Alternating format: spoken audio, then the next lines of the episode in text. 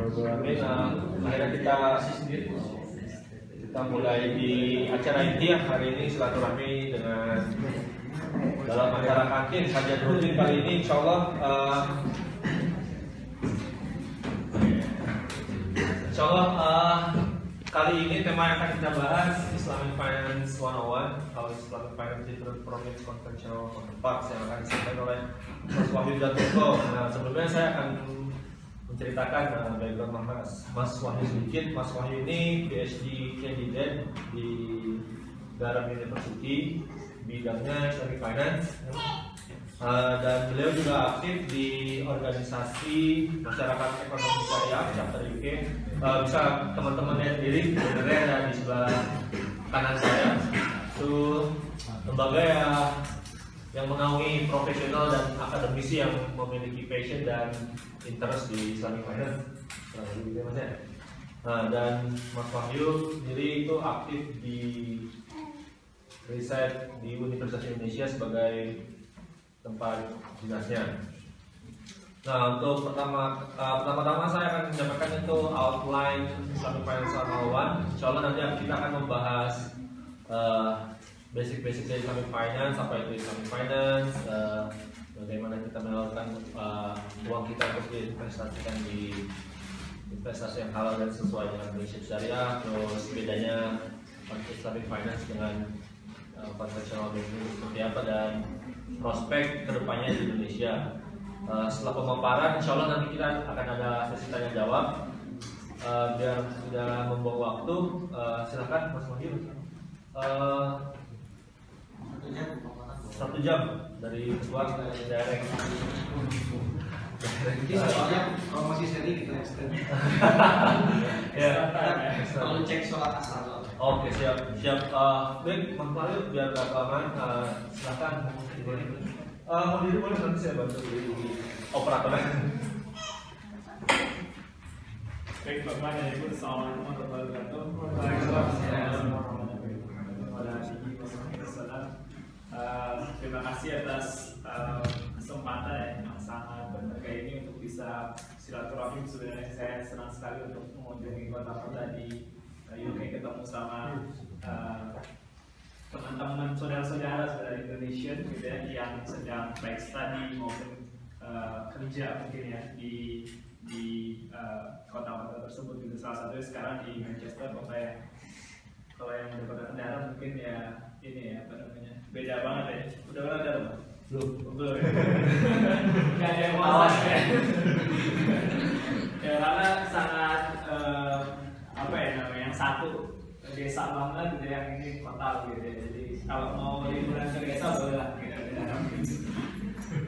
Ya tapi uh, apa namanya yang terpenting adalah sebenarnya bisa bisa silaturahmi dengan dengan teman-teman uh, sekalian ya terima kasih atas undangannya terutama pada Pak Pak Ketua ya menggauli dulu gitu kan Al Ustad uh, Arif gitu kan yang yang telah memberikan uh, waktunya gitu untuk bisa untuk saya bisa bisa sedikit sharing dengan teman-teman sekalian.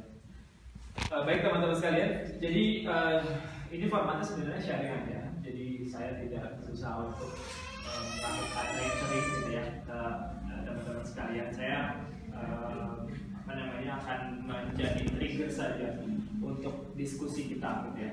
Dan kalau ada yang mungkin kalau ada yang ingin ditanyakan di tengah-tengah nggak nggak jelas gitu ya saya menyampaikannya atau kemudian perlu dikonfirmasi uh, silakan uh, bapak dan ibu sekalian bisa untuk untuk langsung uh, menanyakannya gitu ya. Ya kalau nggak sama saya nanti tanya ke Mas Sukolan ya. Sama-sama Islamic Finance atau nanti sama Pak Abdul ya. Sama-sama Islamic Finance oke. Ini next um, outline-nya sebenarnya. Saya uh, ingin cerita dulu gitu sharing kenapa sebenarnya uh, kita ini perlu ya uh, memberikan atensi kita terhadap Islamic Finance. Itu yang nanti di awal akan coba kita bahas kita sharing di sana. Kemudian uh, pesan dari uh, Pak Ketua begitu ya uh, lebih banyak me, karena sesuai dengan topik juga lebih banyak melihat uh, sebenarnya apa perbedaannya gitu ya antara Islamic Finance itu yang konvensional atau kalau nggak konvensional mainstream lah ya mainstream finance gitu ya uh, uh, itu apa aja.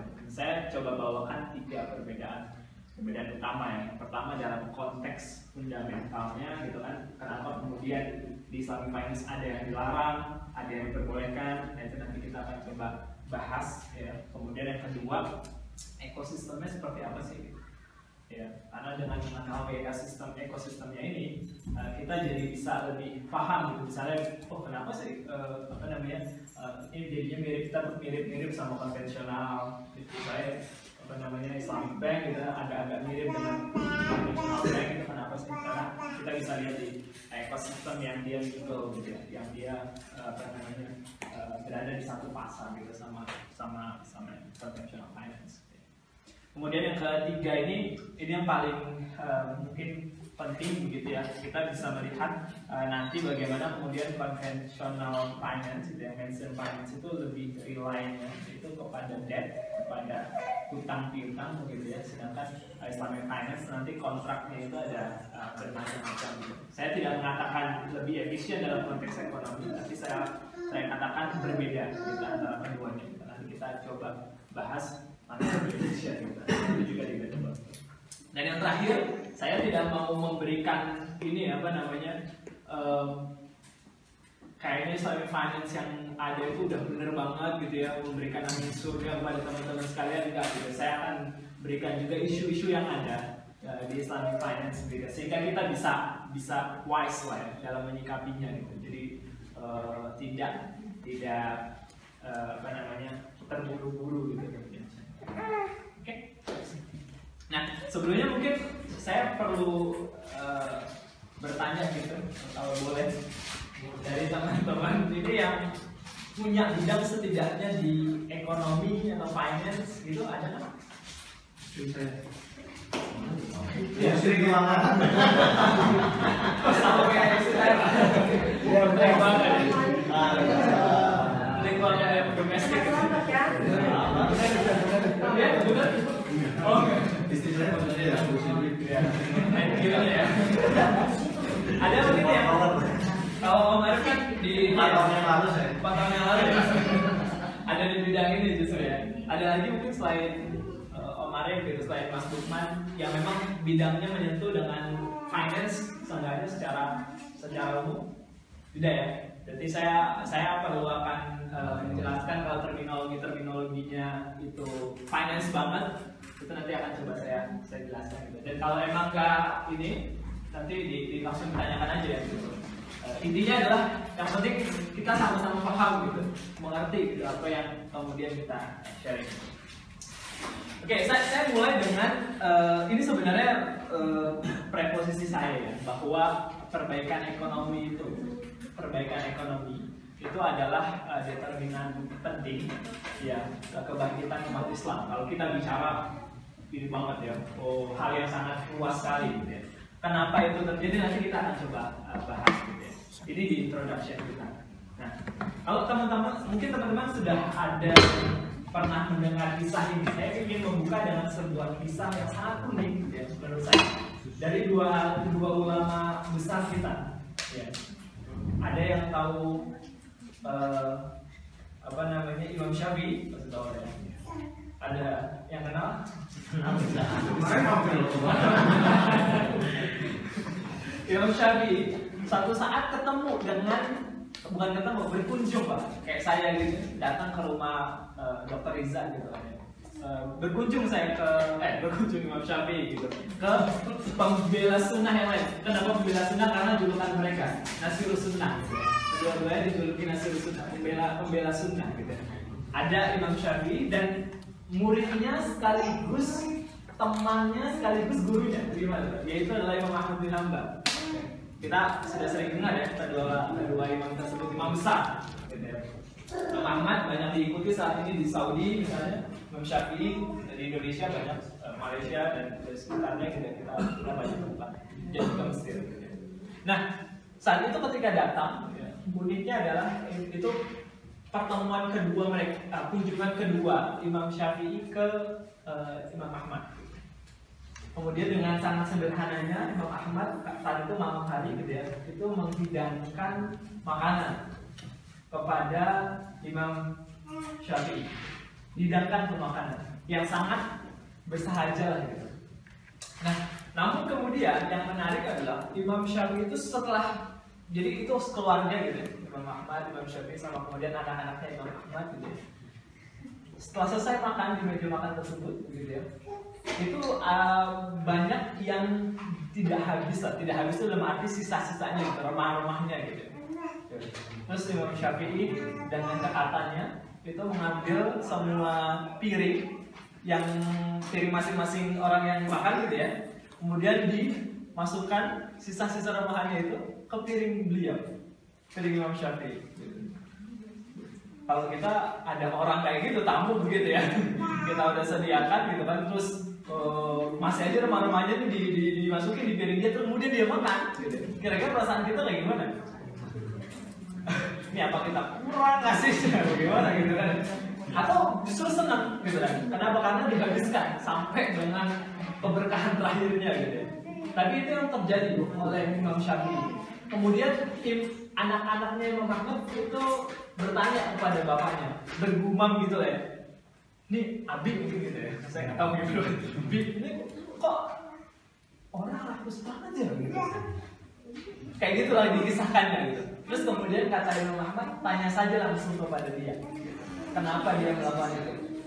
Kemudian ditanyakan anak tersebut singkat cerita Imam Syafi'i mengatakan bahwa saya meyakini bahwa makanan yang dihidangkan oleh keluarga Ahmad bin Hanbal itu adalah salah satu makanan tersuci.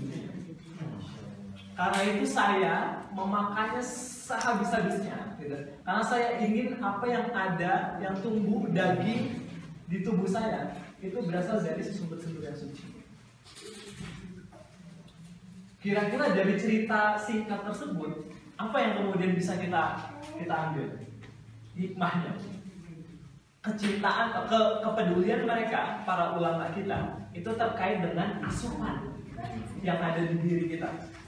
Ya, asupan yang ada di diri kita. Coba bayangkan yang kedua, uh, yang kedua adalah uh, kita perkuat dengan hadis arba'in yang ke-10 mungkin teman-teman banyak yang sudah menghafalnya.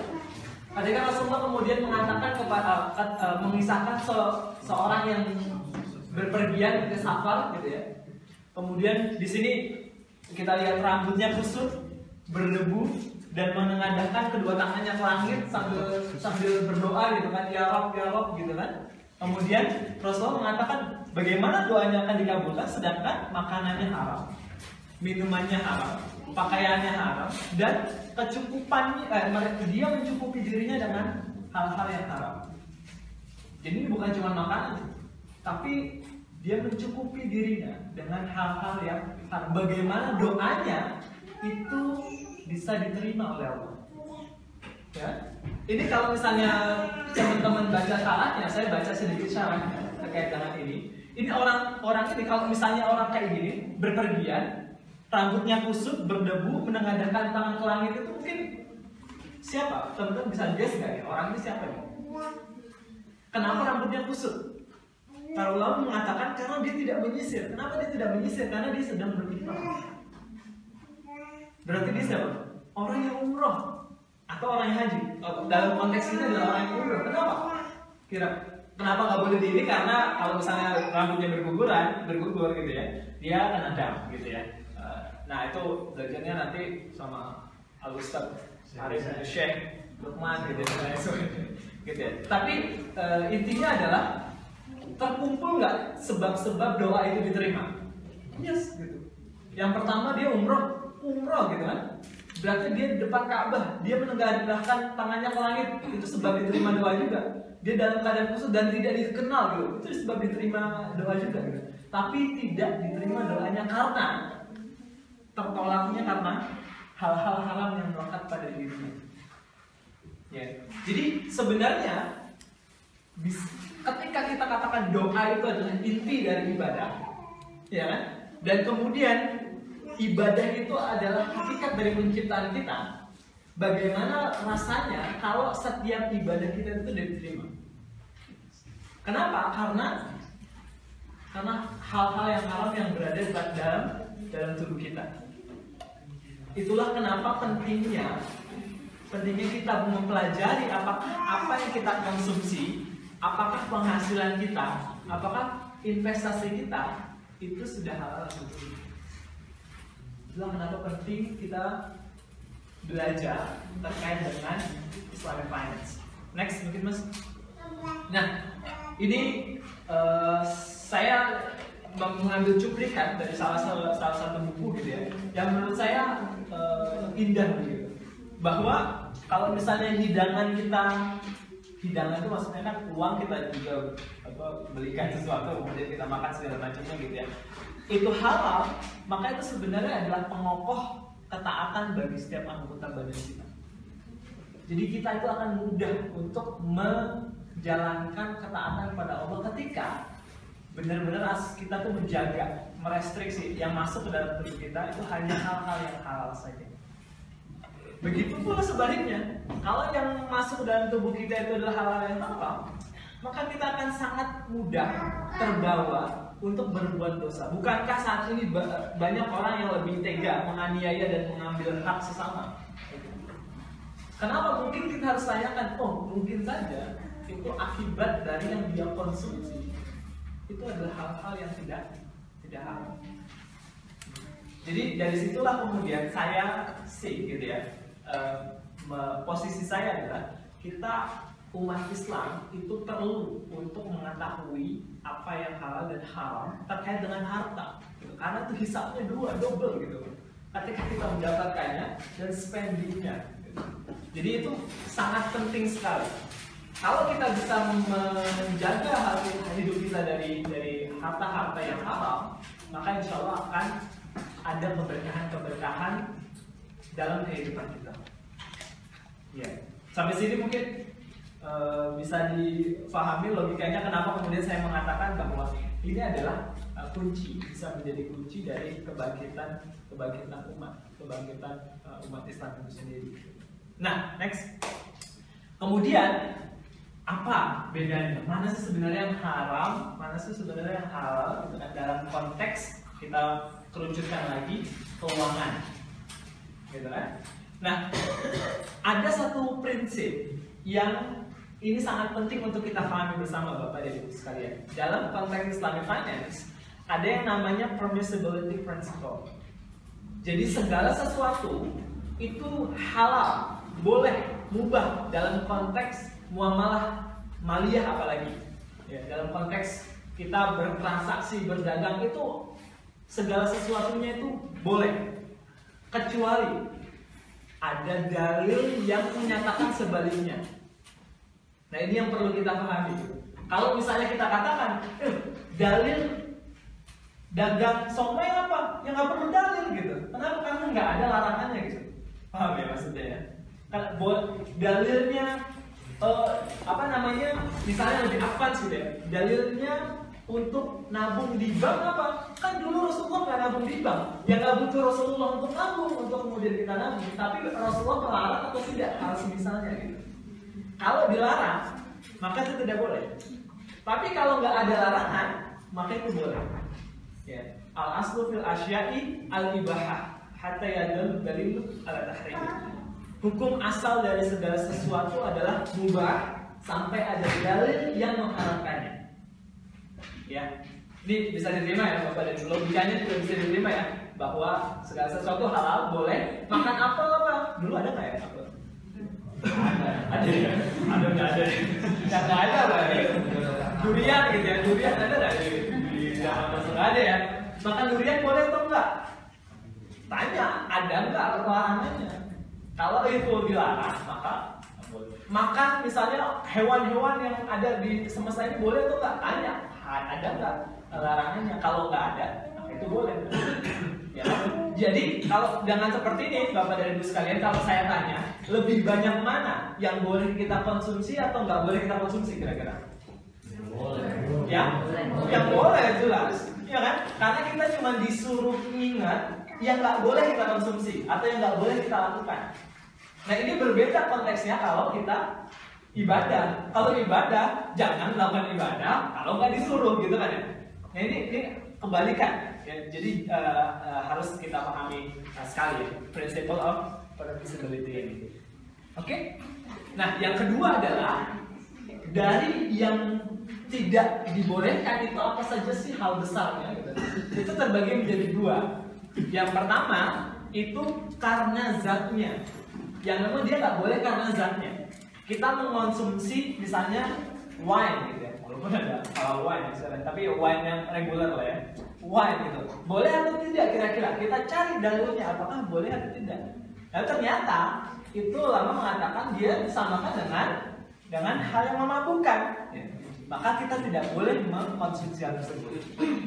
Begitu pula konteksnya kalau kita misalnya mau beli saham gitu. Ya kan? Saham tahu ya Bapak dan Ibu kalau misalnya Bapak dan Ibu punya uang lebih gitu ya, ingin berinvestasi, ada namanya pasar modal gitu kan ya. Pasar modal di Indonesia Bursa Efek Indonesia gitu. Di situ tuh sebenarnya ada klaim atas perusahaan tertentu. Jadi kalau kita mau beli perusahaan Unilever gitu misalnya ya, itu kita nggak perlu untuk datang ke Unilevernya ke resepsionis terus bilang sama resepsionis, ibu pengen beli dong perusahaan itu nggak perlu gitu, nggak akan ditulis juga. Tapi tinggal masuk ke bursa, bursa saham, dan kemudian lihat ada saham Unilever sana, masukkan deposit ibu atau bapak, kemudian beli saham tersebut gitu ya kira-kira. Nah nanti bapak dan ibu adalah pemilik sebagian Kecil. kecil dari perusahaan tersebut. Kecuali kalau Om Arif gitu kan, orang Arif mau beli misalnya Airbnb ini lagi IPO gitu, oh, beli 100% nah jadi 100% punya Arif gitu kan ya. Tapi biasanya itu kan mahal banget gitu ya, satu triliun gitu misalnya. Kalau eh, bahkan misalnya Apple gitu ya, itu satu triliun US dollar atau ininya, market value-nya gitu. Nggak mungkin kita beli nah, semua, tapi kita bisa beli misalnya satu persen dari kepemilikannya. Nanti dia akan bagi ke kita nanti dividen. Bagi ke kita cash flow dalam bentuk dividen. Kalau di sini sih di luar negeri itu cash flow-nya itu bagus gitu. Dividennya itu bagus. Tiap tahun itu dikasih bahkan quarterly 4 bulan sekali biasanya juga ada yang mengasih. Tapi kalau di Indonesia hanya BUMN yang melakukan itu. Ya karena BUMN butuh melakukan itu karena untuk menyuntik uh, ini ya apa namanya returnnya ke negara gitu ya. Kalau perusahaan-perusahaan biasa biasanya tidak melakukan itu. Ya, makanya jauh-jauh gitu kan ke Inggris gitu belajar gimana caranya melakukan valuasi perusahaan Mas Lukman tahu banget ya perusahaan valuasi gimana ada namanya oh kita lihat aja cash flow dari dividennya gimana eh tapi di Indonesia nggak bagi dividen nggak bisa diterapkan di Indonesia juga gitu jadi Artinya nggak ada untung. dia biasanya akan di return, di retain gitu dirinya. Oh, keuntungan dia dia keep, dia buat investasi lagi gitu pak, terus gitu. Jadi di Indonesia itu tidak menjadi tidak menjadi ke eh, suatu hal yang ini ya pak, lumrah gitu ya, lumrah untuk tidak membagikan dividen. Kalau di sini sekalinya perusahaan itu mengatakan oh kita nggak bisa bagi dividen. Eh, tahun ini jatuh harganya. Jatuh akhirnya sejatuh jatuhnya gitu. Karena memang di sini tuh dividen tuh policy. Kalau di Indonesia nggak tahu dividen itu dia bonus aja gitu. Makanya di Indonesia gimana? Oh enggak. Maksudnya ininya pembagian dividen enggak itu uh, discretionary perusahaan discretionary perusahaan jadi kalau perusahaan jadi perusahaan itu boleh memang sah-sah saja. Dia boleh memberikan, boleh enggak. Tapi kalau BUMN, nah itu biasanya karena Kementerian BUMN pemilik utamanya dia akan kasih untuk pemerintah karena BUMN. Tapi dividen itu ini ya halal ya. Nah, itu yang akan kita bahas. Kan berdua employed ya. Nah, jadi eh, jadi kita ambil gaji minimum sama dividen. Tapi menurut Islam halal ya. Nah, ini dividennya itu netral. Tapi kita lihat usaha perusahaannya apa gitu. Eh, eh, suami servis, saya eh, barang. Asalkan barangnya halal, Oh makanan. makanan halal, terus fine gitu. Karena misalnya di sini ada makanya saya saya berikan contoh Delta Jakarta ada yang tahu saham apa ini? Bir, bintang. Bangun tuh. Ente punya. Ente punya saham ya pak? Gitu. Misalnya ini makanya Ada saat apa saatnya itu? Nah, itu nanti misalnya servis itu kan bank. Bank itu kan juga servis. Oh tidak, servis kayak misalnya kita punya keahlian gitu. Oh, that's fine. Jasa jasa dari Jasa, kita ya. gitu kan. Jasa. Uh, fine. Karena kan jasa keuangan itu juga servis gitu kan. Tapi nanti itu kita bahasnya uh, satu-satu gitu ya. Tapi kalau misalnya dalam konteks ini zatnya dulu nih, zat kita lihat tuh tadi kalau uh, kata ibu gitu, barang barangnya apa? Kalau barangnya itu adalah bir bintang gitu ya, kayak di Indonesia. Ya kan? Itu kita ang, apa kita sepakati itu kalau kalau kalau bir gitu itu sudah sudah disepakati bahwa kehalamannya gitu. Sehingga kita tidak boleh membeli sahamnya bahkan. Memiliki perusahaan itu nggak boleh. Karena kaidah fikihnya adalah sesuatu yang diharamkan zatnya maka harganya juga haram haram. Artinya bertransaksi barang yang haram itu eh, ti- eh, apa namanya eh, juga haram. Kita nggak boleh menjual belikan Iya, barang yang haram Ya, itu nanti di riba gitu ya.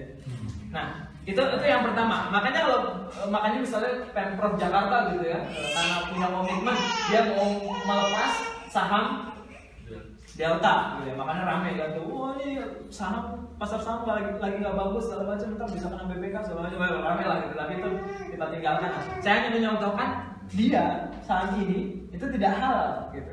Jadi kita tidak boleh membelinya. Kenapa? Karena nanti dividennya kah, returnnya kah, itu akan menjadi haram juga. Karena zatnya, bukan karena apa-apa, tapi karena zatnya itu sendiri. Tapi ada juga yang dia bukan karena zatnya. Ya, kalau bahasa Arabnya lebairi zatihi, karena selain zatnya. Apa sih karena selain zatnya? Saya hanya memba saya hanya membawakan dua di sini yang relevan dengan kita. Yang pertama itu adalah karena riba. Yang kedua karena excess goror, goror yang tinggi banget. Goror itu uncertainty bapak dan ibu. Risk, risk tapi lebih kepada hal yang sifatnya spekulatif gitu. Bukan risk pasti ada di setiap bisnis gitu ya. Tapi hal yang sifatnya spekulatif itu namanya goror. Nanti kita akan bahas. Kalau riba tadi eh, apa namanya adik kita yang masya Allah ininya ya hafalannya itu membawakan tentang ayat riba ya Ali Imran 130 gitu kan. Nanti kita akan kita akan coba bahas. Gitu. Nah dan kalau eh, jadi ini kita kita kita ini ya apa namanya eh, kita harus pahami betul-betul dulu ya. Jadi semuanya boleh kecuali ada yang melarang. Larangan utamanya itu bisa ter- ada zatnya atau bisa terjadi dari selainnya. Ya. Selainnya itu misalnya mencuri gitu, barang eh, korupsi lah gitu, ya kan? Atau yang mencuri misalnya, mencuri itu haram, ya kan? Karena itu barang yang kita konsumsi dari mencuri itu juga jadi haram, walaupun barangnya itu adalah barang yang halal gitu, ya. Paham ya? Kita mencuri air mineral gitu, sayang banget mencuri air mineral. Mencuri air mineral, air mineral halal gitu. Tapi ketika kita mendapatkannya dari mencuri, jadi haram. ya, begitu pula transaksi misalnya di bank. Hukumnya halal, tapi kalau ada ribanya, nanti kita bahas riba itu apa, itu jadi haram. Gitu. Nah, lanjut mas. Kita lanjutkan. Nah, segala sesuatu itu kalau kita tadi kita eh, membahas kenapa kalau kita sampai pada pertanyaan kenapa kemudian eh, zat tersebut itu dilarang oleh syariat? Kenapa kemudian riba itu dilarang oleh syariat? Kenapa kemudian goror yang berlebihan itu dilarang juga oleh syariat? Kaidahnya adalah para ulama kita menyatakan bahwa setiap yang dilarang ya, itu punya sesuatu implikasi yang buruk terhadap diri kita ataupun terhadap society kita. Ya, sekarang kita eh, banyak apa namanya melihat penelitian-penelitian gitu ya. Walaupun ini bukan berarti bukan sebagai ilat ya, ini sebagai hikmah aja, bukan sebagai sebab utama. Ya, tapi sebagai hikmah. Maksud saya gini, misalnya ibu ibu dan bapak sekalian mendengar misalnya ayat bahwa eh, sholat itu mencegah dari hal yang keji dan mungkar gitu ya. Anggaplah keji dan mungkar itu bapak dan ibu ini sudah nggak pernah sama sekali melakukan keji dan mungkar. Apakah jadi tidak perlu sholat? Enggak. Karena mencegah dari keji dan mungkar itu bukan ilat bahasanya, bukan sebab kenapa itu disyariatkan. Ya, bukan kalau bahasa ini ya akademiknya effective cause gitu. Bukan itu, tapi ini adalah hikmah. Hikmah adanya syariat tersebut. Jadi ada atau bapak udah masih melakukan perbuatan keji atau sudah tidak melakukan eh, perbuatan keji, sholat itu tetap wajib buat bapak gitu. Ya. Nah ini kisahnya juga seperti itu. Kita mendengar banyak sekali eh, riset tentang babi gitu misalnya, daging babi yang mengandung banyak sekali pemudorotan gitu ya. Misalnya gitu ya. Kita mau dap, mau mau eh, apa? Jadi kita jadi riset tersebut mau benar mau salah ya tidak akan mengubah hakikat bahwa daging babi itu diharamkan oleh syariat gitu. Tapi itu hanya hikmah. Oh, ternyata syariat mengharamkan ini karena ini toh, gitu. Karena banyak cacing pitanya toh, gitu. Tapi bukan itu. Bukan itu sebab utamanya. Sebab utamanya apa? Karena syariat mengharapkan itu saja. Ya. Oke, itu itu bisa diterima ya. Jadi walaupun kita kita berhusnuzon bahwa setiap yang dilarang itu ada negatif eh, implicationnya, tapi bukan berarti kalau kita tidak bisa menemukan negatif implication dari sesuatu, sesuatu itu kita bolehkan. Tidak seperti itu. Oke, jadi jelas ya. Nah, eh, dalam konteks ini ada yang kita sebut sebagai makosid syariah tujuan dari syariat. Tujuan dari syariat itu seenggaknya ini kalau ini bahasanya Imam Syafi'i atau Imam Ghazali ya, tapi Ibnu Qayyim beda lagi. Itu adalah proteksi dari ini. Proteksi dari yang pertama adalah jadi syariat mengharamkan sesuatu atau menghalalkan sesuatu itu tidak lepas dari penjagaan terhadap lima hal ini. Yang pertama adalah penjagaan terhadap kehidupan kita. Jadi nyawa kita, ya kan? Yang kedua adalah intelek kita, apa akal kita.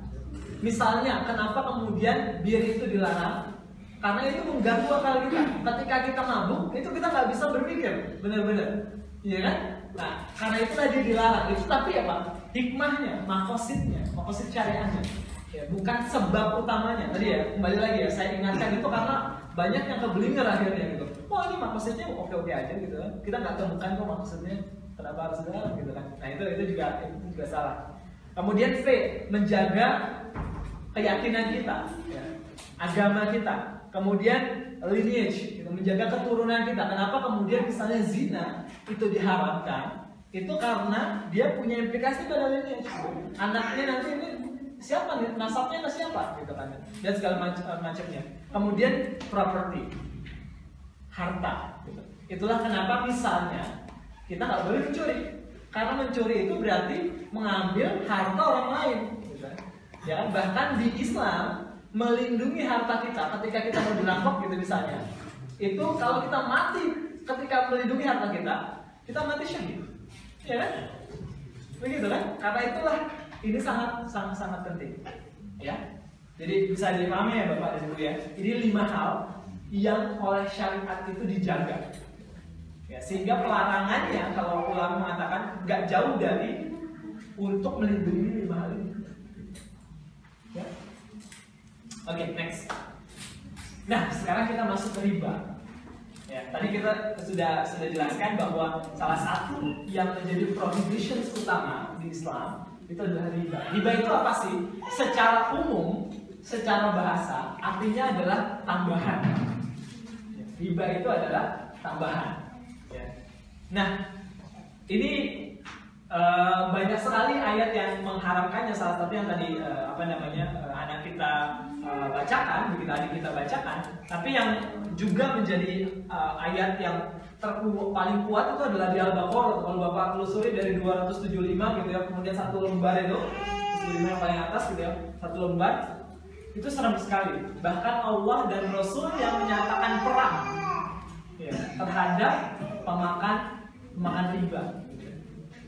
Allah dan Rasulnya menyatakan perang terhadap pemakan riba kalau mungkin ada yang tahu berapa berapa kali Allah dan Rasulnya itu menyatakan perang terhadap pelaku dosa tertentu? Gak banyak mungkin ya? Ya berapa? Oh Tahu. Nah banyak mungkin ya. Kita nggak ini bukan suatu hal yang well known di Al-Quran atau di Sunnah. Allah itu menyatakan bahwa saya menyatakan telah perang, declare perang terhadap pelaku dosa tertentu.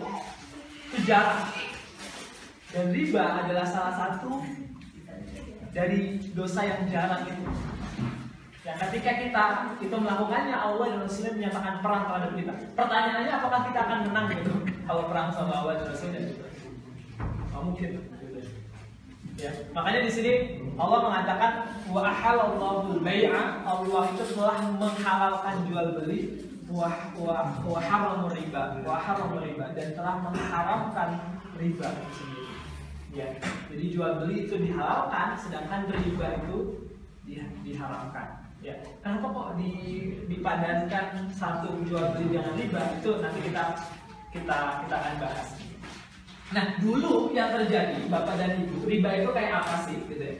Dulu itu yang terjadi gini, Bapak dan Ibu. Misalnya saya ini punya uh, pu- punya kebutuhan gitu ya. Saya minjem sama Mas Lukman. Mas Lukman minjem dong 100 pound. Ya, saya akan balikan nanti dua bulan lagi deh. Oke.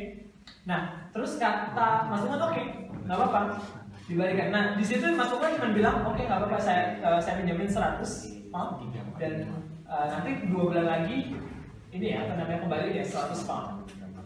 Oke. Ini hakikat utang piutang yang diperbolehkan, ya kan? Utang piutang diperbolehkan. Saya minjem 100 pound, Mas Lukman nanti akan eh saya akan mengembalikan ke Mas Lukman 100 pound dua bulan lagi. Tapi ketika tiba dua bulan lagi, ternyata saya punya kebutuhan lain. Saya nggak punya uang untuk melunasi utang saya ke Mas Lukman. Saya tanya kalau saya bilang ke Mas Lukman, Mas Lukman eh, boleh nggak dua bulan lagi lah kasih waktu saya? gitu. Kata Mas Lukman, oh boleh dua bulan lagi, tapi nanti bayarnya 200 pound ya instead of 100 pound. Nah, itu 100 pound tambahannya adalah yang disebut oleh syariat riba. Riba itu yang terjadi di jahiliyah dulu, di di zaman bahkan sebelum Rasulullah lahir. Makanya dikatakan riba jahiliyah. Riba yang terjadi di zaman zaman jahiliyah dulu, gitu ya. Itu riba secara. Klasik riba itu kayak gitu konteksnya. Nah, tapi kemudian ulama itu mengkategorikan lagi. Ternyata riba itu berdasarkan hadis dan kemudian ayat itu bisa dikategorikan menjadi menjadi dua. Ada yang disebut riba nasi'ah, ada riba fadl gitu. Apa ini? Jangan bingung dulu gitu ya. Gampang sebenarnya. Jadi kalau dilihat dari sebuah hadis yang sangat terkenal terkait dengan riba, itu Rasulullah mengatakan jika emas dijual dengan emas, perak dijual dengan perak, gandum dijual dengan gandum, syair salah satu jenis gandum dijual dengan syair, kurma dijual dengan kurma, garam dijual dengan garam, maka jumlah takarannya atau timbangannya harus sama. Ya. Jadi kalau misalnya saya mau tukar emas ya, dengan bapak dan ibu emas satu kilogram, saya tukar dengan punya Mas Lukman, itu harus sama-sama satu kilogram. What's the point gitu? Ya, ya, kita apa? Satunya makanan, satunya? Bentuknya mungkin beda ya tadi. Nah terus barang siapa menambah atau meminta tambahan, maka ia telah berbuat riba. Orang yang mengambil tambahan tersebut dan orang yang memberinya sama-sama berada dalam uh, dalam dosa. Jadi riba itu konteksnya lari bisa jadi. Uh, konteksnya begini. Jadi kalau dalam syariat, dalam syariat itu kita membagi uh, barang-barang yang dikategorikan sebagai barang ribawi. Ya, barang ribawi. Ini memang pembahasannya panjang sekali. Tapi salah satu yang disepakati itu adalah uang, currency. Ya, karena dahulu emas dan perak itu disepakati sebagai uang, ya, sebagai alat tukar di zaman dahulu. Karena itu para ulama mengatakan bahwa uang di zaman sekarang itu juga memiliki hukum yang sama dengan uang di zaman dulu. Jadi kalau ada uang itu tidak boleh dibarter kecuali dengan dua hal. Yang pertama adalah dia namanya apa, kontan gitu ya harus on the spot saat itu juga nggak boleh tertunda yang kedua dia harus sama ininya apa namanya eh, jumlahnya. Ya. Sebenarnya ini kalau tanya hikmahnya hikmahnya nanti panjang sebenarnya. Kenapa kemudian kenapa kemudian diberikan kecuali dalam konteks loan kecuali dalam konteks hutang piutang. Karena hutang piutang itu bukan transaksi sebenarnya kalau di Islam. Jadi transaksi ini saya tidak masukkan Islam itu transaksi itu dibagi menjadi dua. Ada yang dia litijari untuk mengambil profit ya saya sama eh, apa namanya eh, Mas Arif gitu mau jual beli handphone handphonenya Mas Arif kebetulan dua nih ya kan banyak mau beli mau jual beli handphone ya kan? saya sama Mas Arif sudah sama-sama sah untuk menyepakati harganya di harga berapapun gitu. Misalnya Mas Arif belinya cuma 100 pound, tapi yang mau jual saya 200 pound, kalau saya emang eh, ridho gitu ya, tidak ada paksaan, itu sah. Ya, ini tadi sama case-nya sama-sama 100 pound tapi dapatnya 200 pound gitu ya. Jadi belinya cuma 100 pound tapi dapatnya 200 pound Mas Arif. Gitu kan. Jadi ada 100 pound keuntungan. Tadi riba juga gitu. Ngasihnya cuma 100 pound tapi dapatnya juga 200 dapatnya 200 pound. Ada 100 pound keuntungan gitu kan ya. Tapi case dengan Mas Arif ini itu halal. Kenapa? Karena saya bertransaksi dengan Mas Arif. Sedangkan dengan Mas Lukman itu haram. Kenapa? Karena saya sebenarnya akadnya tolong harusnya. Kalau di Islam itu ada dua tadi. Ada yang litijari, ada yang litabaruat namanya. Ada yang untuk tolong menolong. Transaksi utang piutang dalam Islam dikategorikan ke transaksi tolong menolong Bapak dan Ibu. Ditransaksikan di, di, di, dikategorikan ke tolong menolong. Jadi dalam konteks tolong menolong itu tidak dikehendaki seorang taking advantage terhadap orang lain. Dalam konteks tolong menolong nggak boleh. Karena itulah riba. Itu dilarang. Ya. Tapi kalau dalam konteks tijari mau bapak dan ibu dapat keuntungan 100% fine. Asalkan tadi antara hukum sama-sama ridho. Jadi sampai sini uh, clear ya Pak ya. Uh, jadi ada dua kategori.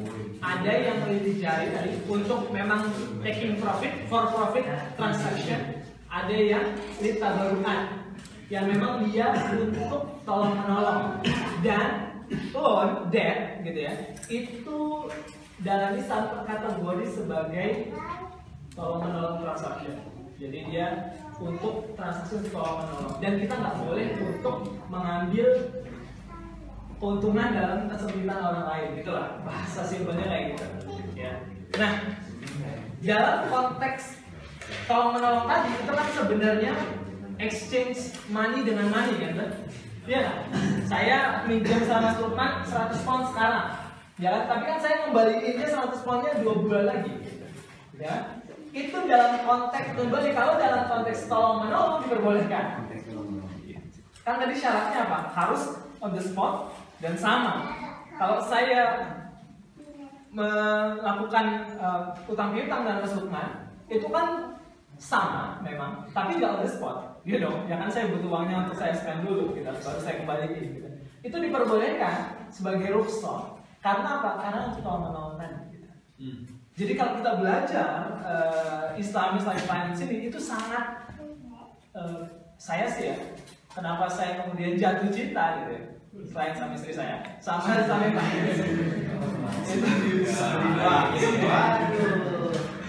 itu, itu, itu, itu karena ada just, ada just di Islamic Finance yang saya senang gitu. Kalau kita dalam konteks tolong menolong ya ya ya ya, ya gentle dong ya tolong menolong gitu. kalau memang mau ngambil profit ya udah kita transaksi gitu terserah Mas Arif mau berapa kalau gitu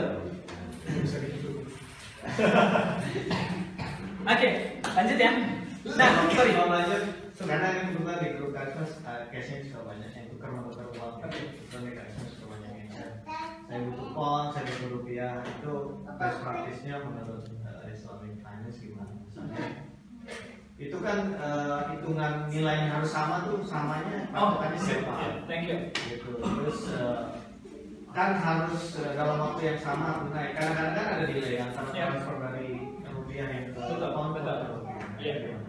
Nah, eh, jadi Bapak dan Ibu sekalian, terima kasih ini mengingatkan eh, eh, ini ya, sangat-sangat ini banget Bang, bagus sekali pertanyaannya. Satu currency, jadi misalnya gini, eh, tadi harus saya next dulu mas. Misalnya gini, Bapak dan Ibu bayangkan, ya, bayangkan saja, eh, X itu. Oh ya harusnya saya kasih gambar ya. Sorry. Ini ini transaksi yang awal itu adalah misalnya anggaplah XT itu uang ya Bu ya. Uangnya rupiah tadi. Oke? Uangnya rupiah. Kalau uang rupiah ditukar dengan uang rupiah itu harus saat ini dan sama. Gitu ya. Kalau ibu punya uang rupiah ditukar dengan dua kali uang rupiah walaupun waktunya sama itu nggak boleh. Punya uang 100 ribu rupiah ya ditukar saat itu juga itu dengan 200 ribu rupiah. Itu nggak boleh gitu. Kita mungkin ketawa tapi case ini banyak. Kalau misalnya kita tukar untuk bagi-bagi di lebaran ini enggak ya di pinggir jalan ya walaupun ini perlu dikelirkan akadnya gitu tapi kalau itu akadnya adalah transaksi uang 100 ribu kita ditukerin dengan 5 ribu tapi jumlahnya cuma 90 ribu itu riba Iya kan? Itu terjadi terminal Di terminal misalnya. Kemudian ini juga nih, XT itu tadi uang ya. Uang eh, saat ini kita kita tukar, tapi dengan nanti eh, di, jadi misalnya kayak tadi kayak saya sama Sukma tadi, tapi bukan konteksnya bukan loan, gitu ya. Itu juga tidak boleh. Karena T plus satu itu maksudnya di masa mendatang gitu. ya. Saya tukar uang hari Besok ini, lah, besok. besok lah gitu. Eh, saya saya kasih Mas Mas Arif 100 ribu hari ini, eh, tapi bukan akadnya bukan loan ya, bukan eh, bukan utang piutang. Ya, itu kalau nanti sophisticatednya adalah kalau kita bawa sini tentang hedging nanti teman-teman kalau ada yang eh, pengen diskusi boleh sama Mas Sukman tapi ya. Tentang hedging. saya pulang dulu Saya pulang dulu gitu. Saya mau coba-coba pulang. Nah terus dua X, eh, jadi kalau kita tukar hari ini, eh, tukar uangnya sama tapi tidak pada hari yang sama, itu juga nggak boleh. Kalau bukan bukan tadi eh, tukar menukar, eh, eh, bukan transaksi tolong menolong tadi ya. Atau ini misalnya eh, uangnya sama ya, uang uang eh, sama-sama rupiah gitu ya. Satu rupiah eh, sepuluh eh seratus ribu saya tukar seratus ribu dengan Mas Arief tapi saya akan besok dapatnya dua ratus ribu. Itu juga nggak boleh tadi ya kita sudah sudah sudah, sudah sepakat ya. Nah tapi yang ketiga ini eh yang ke selanjutnya ini anggaplah X itu adalah uang rupiah ya kemudian Y itu adalah uang pound karena dia beda currency ya, maka dia nggak harus sama. Kalau sama kita enak dong gitu. Seratus ribu rupiah di, di- ditukar dengan seratus ribu pound ya nggak boleh gitu kan? Karena masing-masing currency ya, itu kalau dia beda currency-nya itu boleh nggak sama? Jelas. Dan boleh nggak sama rate-nya berapa? Ya tergantung gitu. tergantung kesepakatan tadi lagi. Kalau misalnya kita pakai biasanya BI eh, apa BI rate gitu ya BI rate yang kurs tengah BI rate gitu ya fine boleh pakai itu. Nah tapi pertanyaannya tadi T ini maksudnya kapan? Waktunya kapan? Apakah misalnya saya tukar sama Mas Arief gitu ya 100 pound hari ini saya kasih uang apa namanya rupiahnya besok di rekeningnya Mas Arief di Indonesia apakah boleh atau tidak Nah, ini memang ada perbedaan, tapi saya saya clearkan kayak gini, Bapak dan Ibu. Eh, kalau dalam konteks transaksi, maka eh, lembaga fatwa dunia dan juga Indonesia itu memfatwakan boleh masih disebut on the spot, hand to hand, itu ketika dua hari kerja. Itu masih disebut on the spot. Karena settlement di transaksi internasional yang begitu rumit itu baru bisa dilakukan secepat-cepatnya dua hari kerja tadi gitu. bukan bukan penundaan tapi proses. bukan penundaan tapi itu proses gitu kalau kita memang menunda menunda itu nanti begini pak, misalnya ya, misalnya saya uh, ngasih uang ke uh, Om Arif ini 100, eh oh, saya uh, Om Arif jual ke saya 100 pound. Gitu. ya. Saat ini rate-nya satu pound itu 20 rupiah, 20 ribu rupiah, gitu ya. Berarti saya dapat berapa nih dari uh, saya harus 2 juta ngasih ke Om Arif kan, gitu ya. Itu harusnya harusnya 2 juta gitu. Tapi bayangkan kalau misalnya settlementnya itu baru saya lakukan sebulan lagi, ya kan? Ketika rent ketika sebulan tersebut itu satu rupiah eh satu langsung yang sama dengan misalnya 25 ribu rupiah, iya kan? 25 ribu rupiah gitu. Berarti ada yang terzolimi nggak sebenarnya? Ada gitu. Siapa yang terzolimi dalam hal ini? Mas Amif gitu. Ya kan? Kenapa? Karena dia harusnya bisa dapat 25 ribu dikali dengan 100 tadi. Bukan 20 ribu dikali dengan 100 gitu. Jadi syariat itu menutup pintu ini Pak. Permusuhan ini. Permasalahan kalau misalnya kita tuh nggak benar nih ininya apa namanya. eh, jadi benar-benar tadi boleh berbeda tentu. Tapi waktunya tadi kalau memang ada proses satu hari that's fine gitu ya. Tapi kalau misalnya waktunya lebih dari tiga hari itu prosesnya proses apa nih gitu perlu dijelaskan dulu. Jadi case per, case memang tidak sama. Kebetulan saya pernah baca di international trading Iya. mas. Baca. Jurusan apa sih? Jurusannya dari listrik mas saya mas. Oh udah.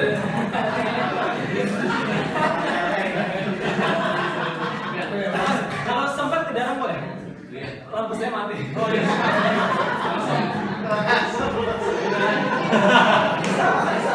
bisa dia Oh, iya. Oh, iya. Ah, soal eh, low currency mas, jadi kan kalau nggak salah di trading kayak Gus Dur Mulyani pernah bilang juga eh, apa kita kita belanjanya tuh ya currency-nya kan belum pakai tukar atau pakai rupiah yang eh, itu fluktuatif mas.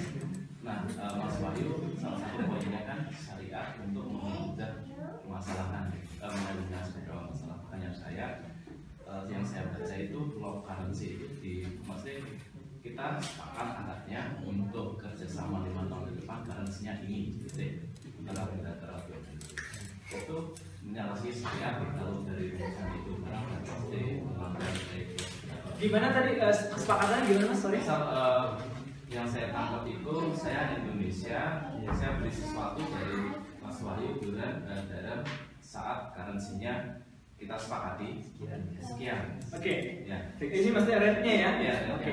Di lock mau nanti berapapun itu yang kita sepakati untuk jangka tertentu. Nah itu kan untuk mempermudah. Ya. Gimana? Itu itu sebenarnya eh, menurut eh, jadi kita kalau di finance ada yang namanya transaksi forward mas forward contract gitu ya.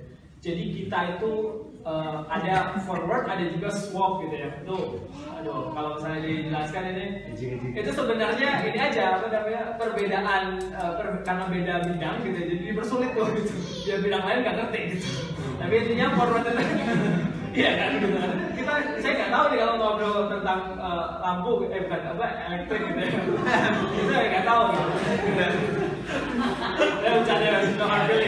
Jadi misalnya kontrak swap itu itu sebenarnya eh, kita kontraknya bukan hanya dengan ini mas, bukan hanya dengan eh, rekan transaksi kita, tapi ada third party-nya yang menanggung selisihnya itu disebut swap. Nah, third party-nya itu itu biasanya international bank. Misalnya Barclays, Lloyds, segala macam itu melakukan itu. Yang tadi hedging gitu. Kita melakukan hedging biar aman. Kita pasang udah rupiah 15 ribu deh karena itu yang jadi asumsi APBN kita segala macam gitu. Itu berarti semacam yang insurance of Insurance dari selisih tadi. Nah, nanti kita bahas tuh insurance itu gimana. Tapi ini memang tidak diperbolehkan. Kenapa? boleh apa tidak? yang ini tidak diperbolehkan tidak diperbolehkan kenapa ini karena dia tidak ada underlying transaction apa yang ditransaksikannya sebenarnya ini nggak ada gitu ya itu cuman cuman ini apa namanya me- melakukan hedging gitu. Tapi pertanyaannya adalah apa solusi syariah? Nah, itu nanti eh, nanti kita kita akan bahas gitu ya. Tapi dalam konteks ini transaksi seperti itu tidak diperbolehkan. Kenapa? Karena melakukan fix, melakukan fix rate tadi gitu ya. Tapi sebenarnya bukan fix rate. Karena ada uh, insurance tadi si swap tadi. Ya, solusinya terkait ini. Iya, eh, memang jadi kalau misalnya saya tidak sampai sana di sini karena itu transaksi advance sebenarnya. Saya tidak sampai sana di sini, tapi nanti kita boleh diskusi. Um, di syariah ada beberapa uh, kontrak yang yang uh, melakukan hedging juga gitu. ya. BI juga sebenarnya sudah mengesahkan ada beberapa beberapa kontrak gitu. Jadi mas mas Ari tahu ter- terkait dengan hedging tadi syariah hedging namanya. Tapi saya sendiri tidak masukkan ke sini karena uh, itu advance sih mas. Uh, Saya nggak tiap hari soalnya. nggak tiap hari hedging. Oke ya, gitu ya. Soalnya sih biasa case aja tukar 2000 poin. Iya, gitu. Jadi case-nya daily case dulu yang kita bahas. Nanti mungkin ada ini apa namanya eh, eh, lanjutan ya eh, dengan Mas Firman atau siapa gitu bisa bisa dibahas. Saya mah yang yang basic-basic aja bisa gitu. Soal gitu. Nah,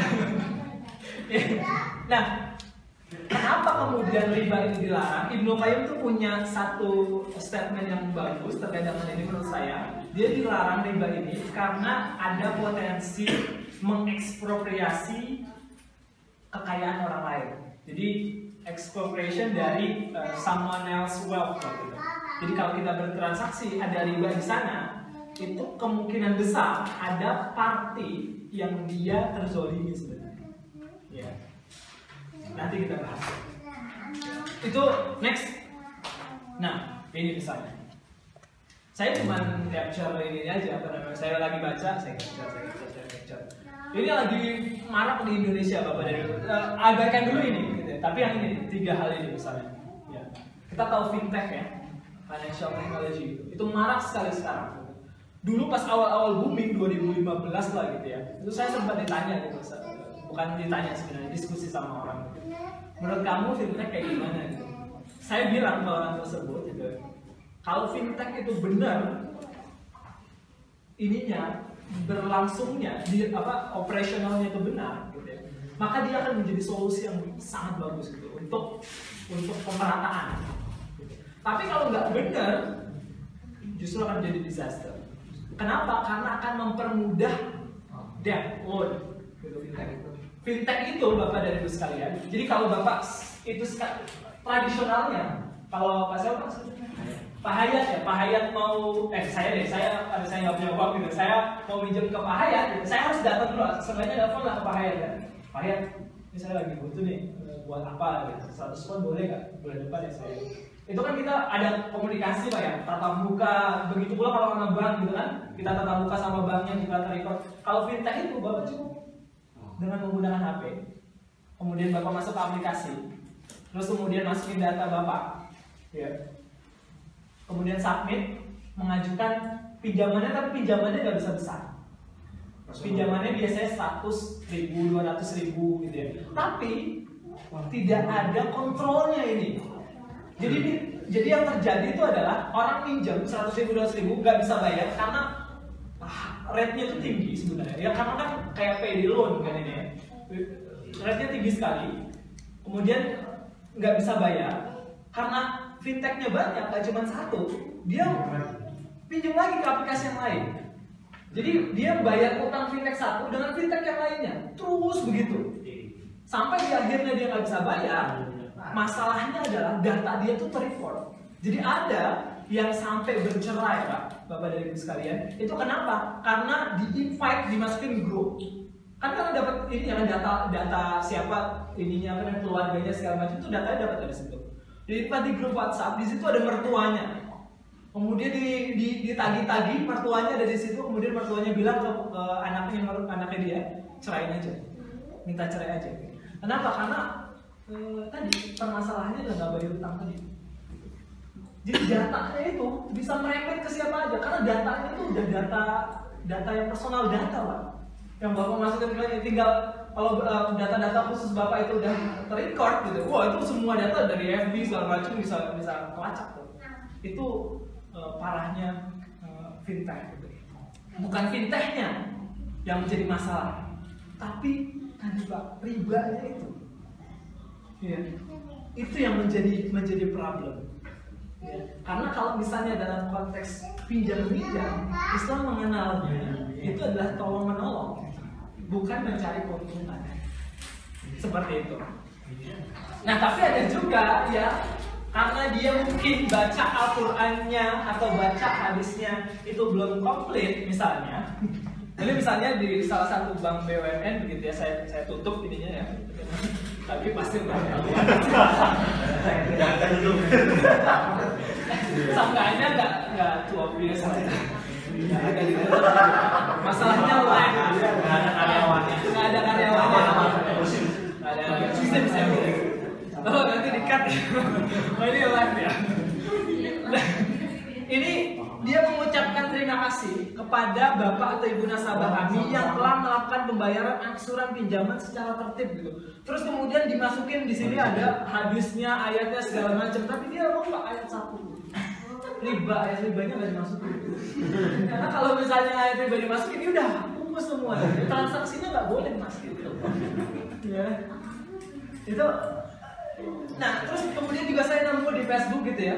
Ini nggak tahu seminar, nggak tahu apa gitu, tapi saya scrolling di Facebook kemudian ada terus dia bilang begini kalau saya bacakan Bapak ya, bagi siapa pun yang bermuamalah memakai dana kredit bla bla bla bla eh, dan utamanya adalah dan bila dana tersebut untuk membuka lapangan kerja yang bernuansa ekonomi kerakyatan dan lain-lain, maka itu tidaklah disebut sebagai riba.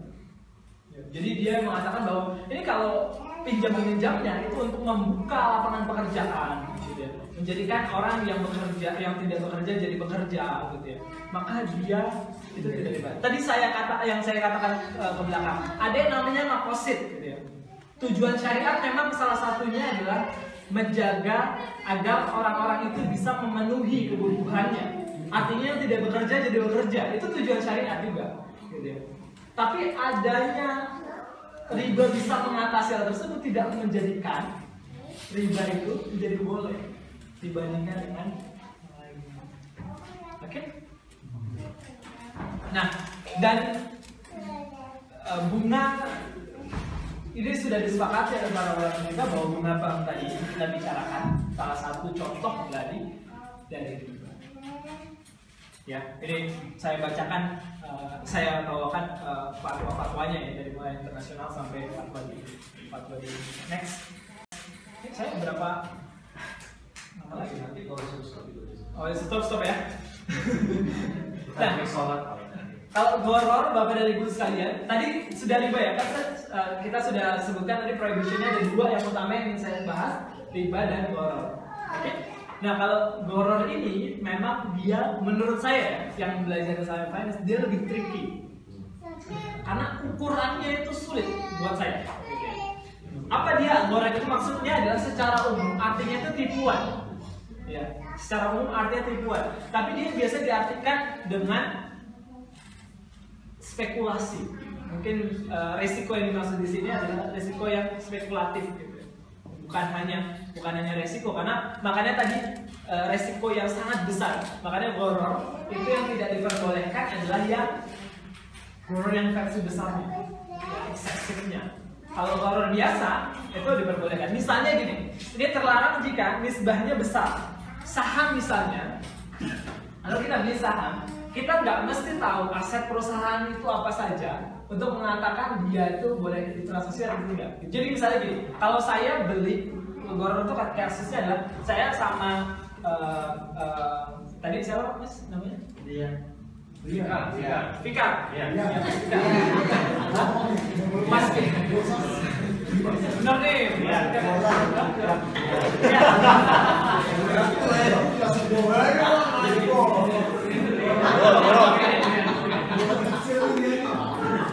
Kayak yang kita sirtifatnya tanggal 19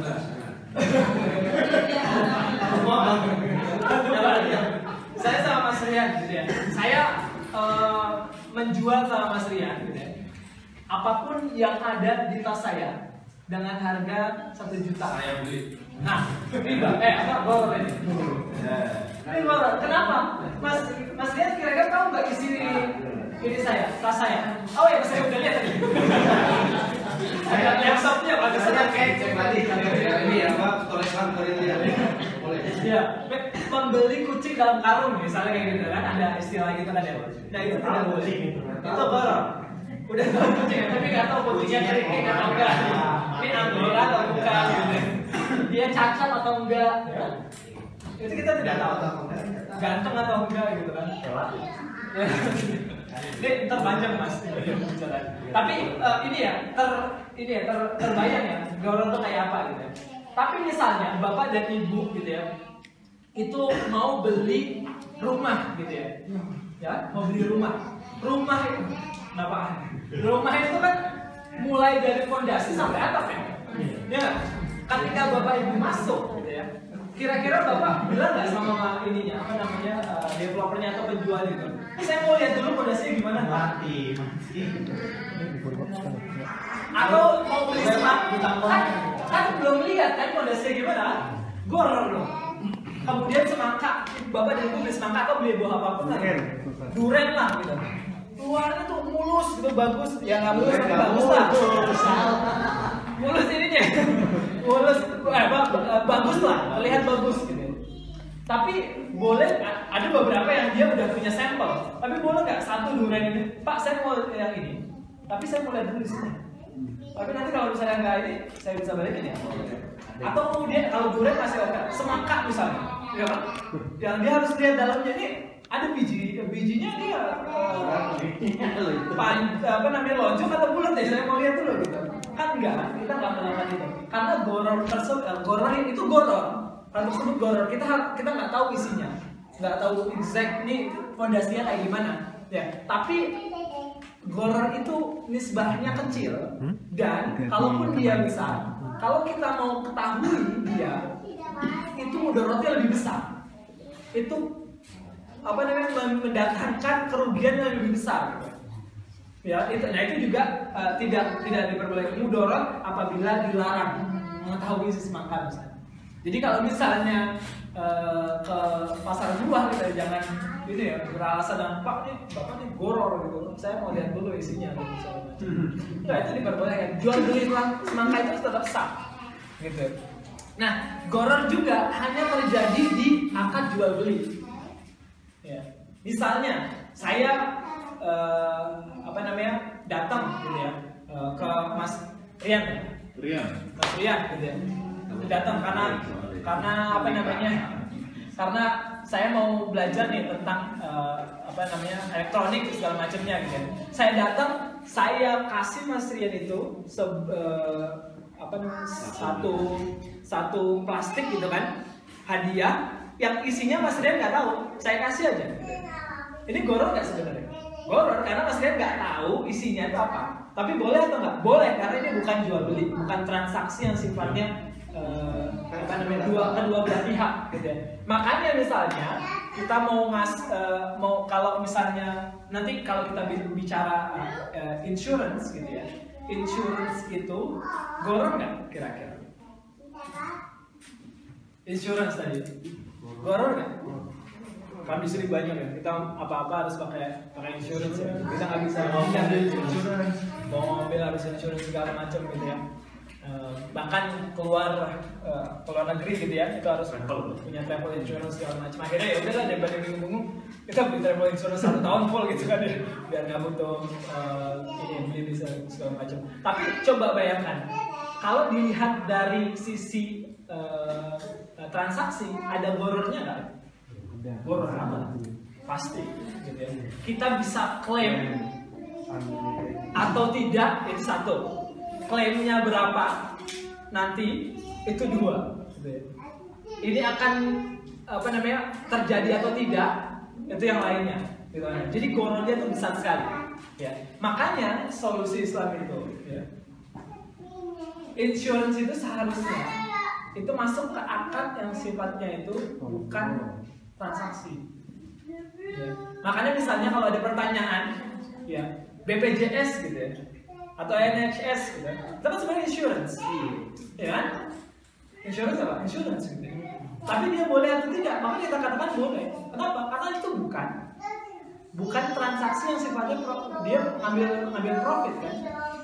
BPJS itu kalau misalnya kita lihat, Bapak Ibu tahu BPJS ya ya? BPJS yang saya maksud yang eh, kesehatan.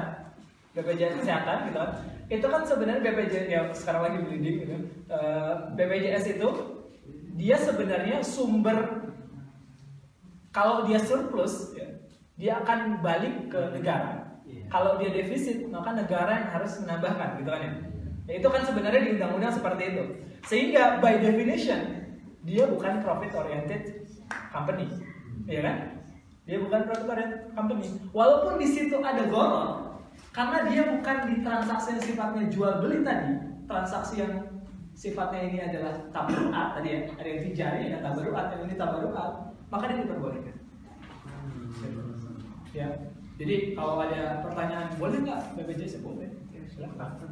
2019 by the way teman-teman harus wajib kan kalau yang pulang ini eh, Pak Riza misalnya wajib untuk punya BPJS kalau sebelum-sebelumnya kan yang yang ini ya yang non PBI, PBI segala macam gitu. Nah, sekarang semuanya seluruh warga Indonesia 2019 sudah harus eh, PBI apa? PBI itu eh, apa namanya? PBI itu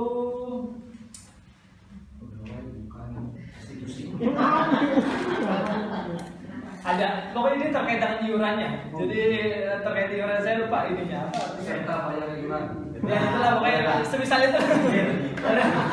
sah sah goror. Oke gitu Bapak dan Ibu ya. Jadi kebayang ya. Jadi goror itu pada transaksi yang sifatnya for profit dia tidak diperbolehkan.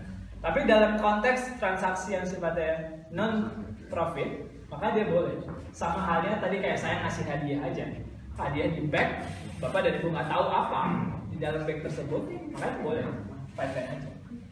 Jadi kalau asuransi asuransi eh, seperti konten, terus car insurance, house insurance. Ya, nah eh, ada memang begini. Jadi fatwa dari OKI juga. OKI itu adalah organisasi konvensi Islam ya, internasional ya. Eh, fatwanya adalah bahwa kalau memang kita diwajibkan oleh pemerintah maka tidak mengapa. Kalau memang diwajibkan, misalnya kita datang sini, eh, apa, eh, beli mobil, diwajibkan untuk punya car insurance. Kenapa? Kalau nggak ada, kita nggak bisa drive, gitu. Maka itu diperbolehkan. Kita tidak menanggung dosanya. Ya.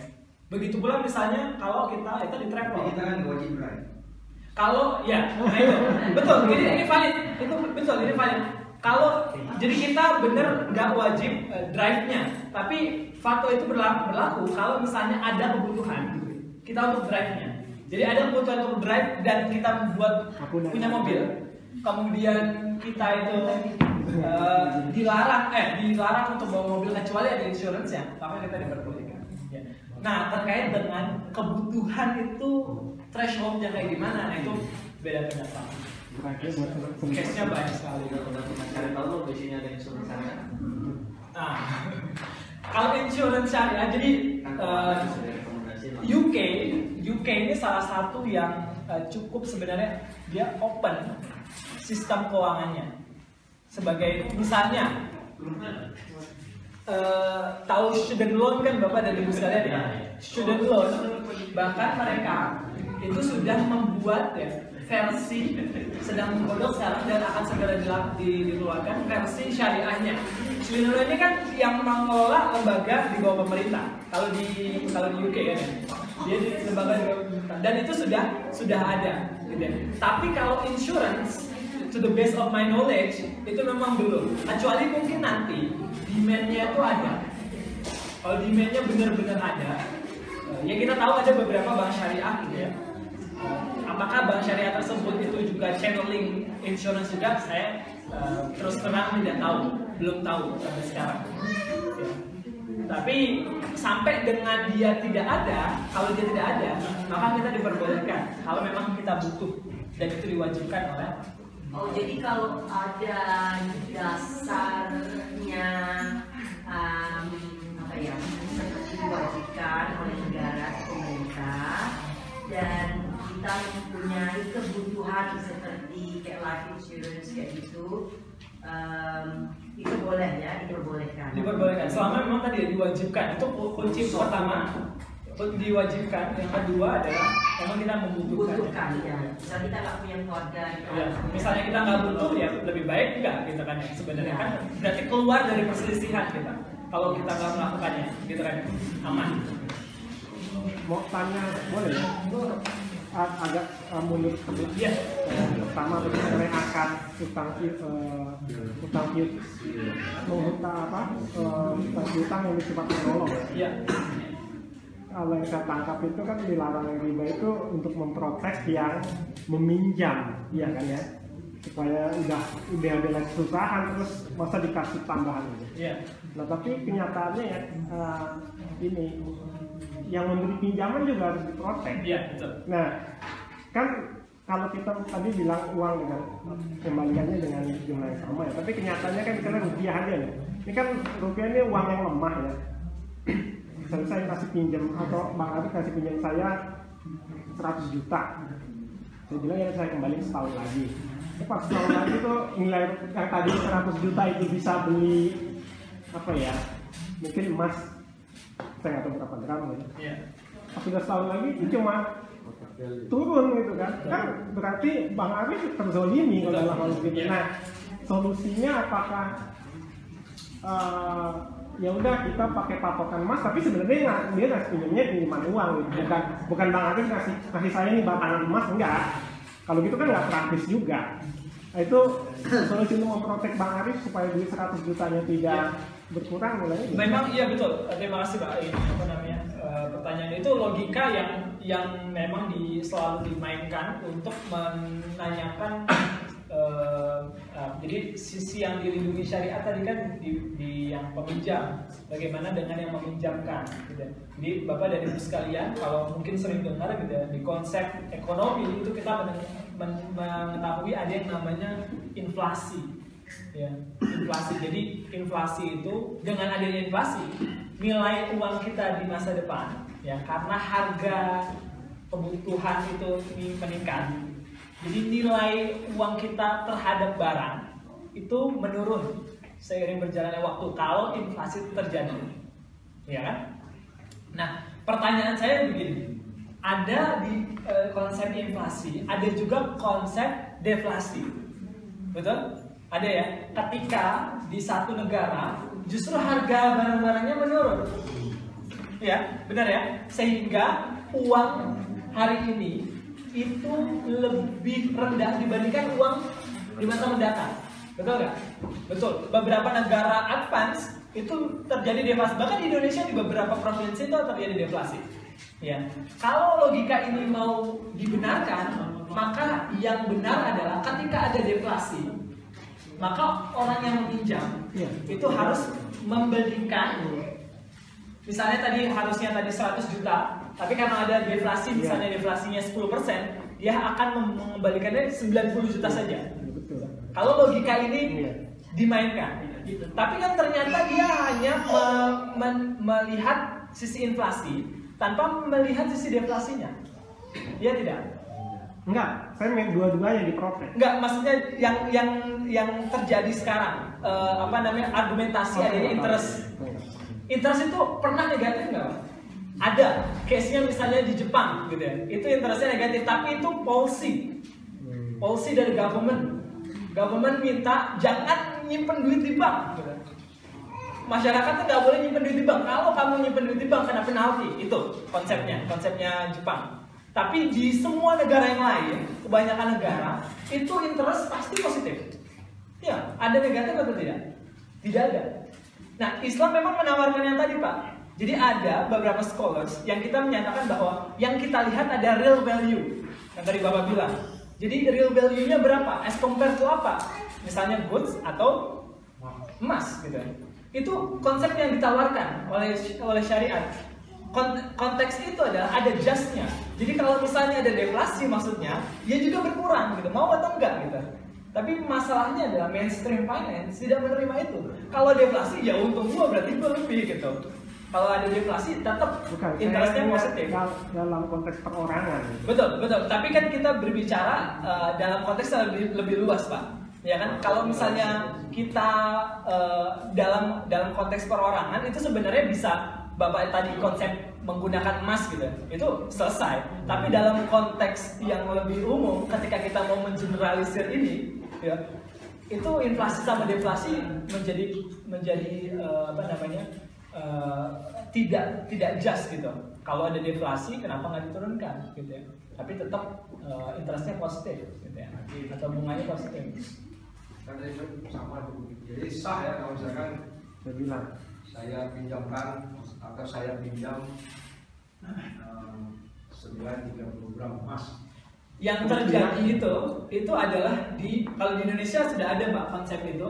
Eh, kalau bapak mungkin buka gerai dinar gitu ya eh, websitenya itu mereka meminjamkan seperti pinjamnya adalah dinarnya. Tapi memang yang disepakati boleh pak itu kalau dipinjamkannya dalam bentuk dinar bukan di benchmarkkan ya dipinjamkannya dalam bentuk dinar. Jadi ya sulit baik aspeknya. Jadi- tapi itu bisa dilakukan buktinya. Ya kan? Buktinya. Nggak nggak nggak betul. sulit bukan berarti tidak bisa kan? Tapi apakah similar dengan bayar zakat pakai duit? gimana pak? Kan nggak boleh karena tadi yang dipinjamkan benar-benar Ya. bukan equal value dalam bentuk rupiah. ya oke. Sementara kan dalam transaksi zakat Kita bayar rupiah. yang harusnya makanan pokok, tapi kita bayar rupiah seharga. sehat. zakat eh, fitrah maksudnya? Pak? oke. Atau zakat mal Zakat fitrah. oke. Oh, ini zakat mana apa zakat fitrah? kan sekian kilogram beras, tapi yang kita bayarkan kan duit. bahkan zakat kan mal boleh. juga kan rupiah kan yang dibayar Eh, bukan emas. tapi perlu dispa, perlu digaris bawahi pak bahwa yang disepakati itu adalah kalau uang tersebut itu dikonversi ke apa namanya eh, barangnya itu yang disepakati oleh ulama. Tapi ulama berbeda pendapat. Apakah boleh nggak ngasih uang ke fakir miskinnya?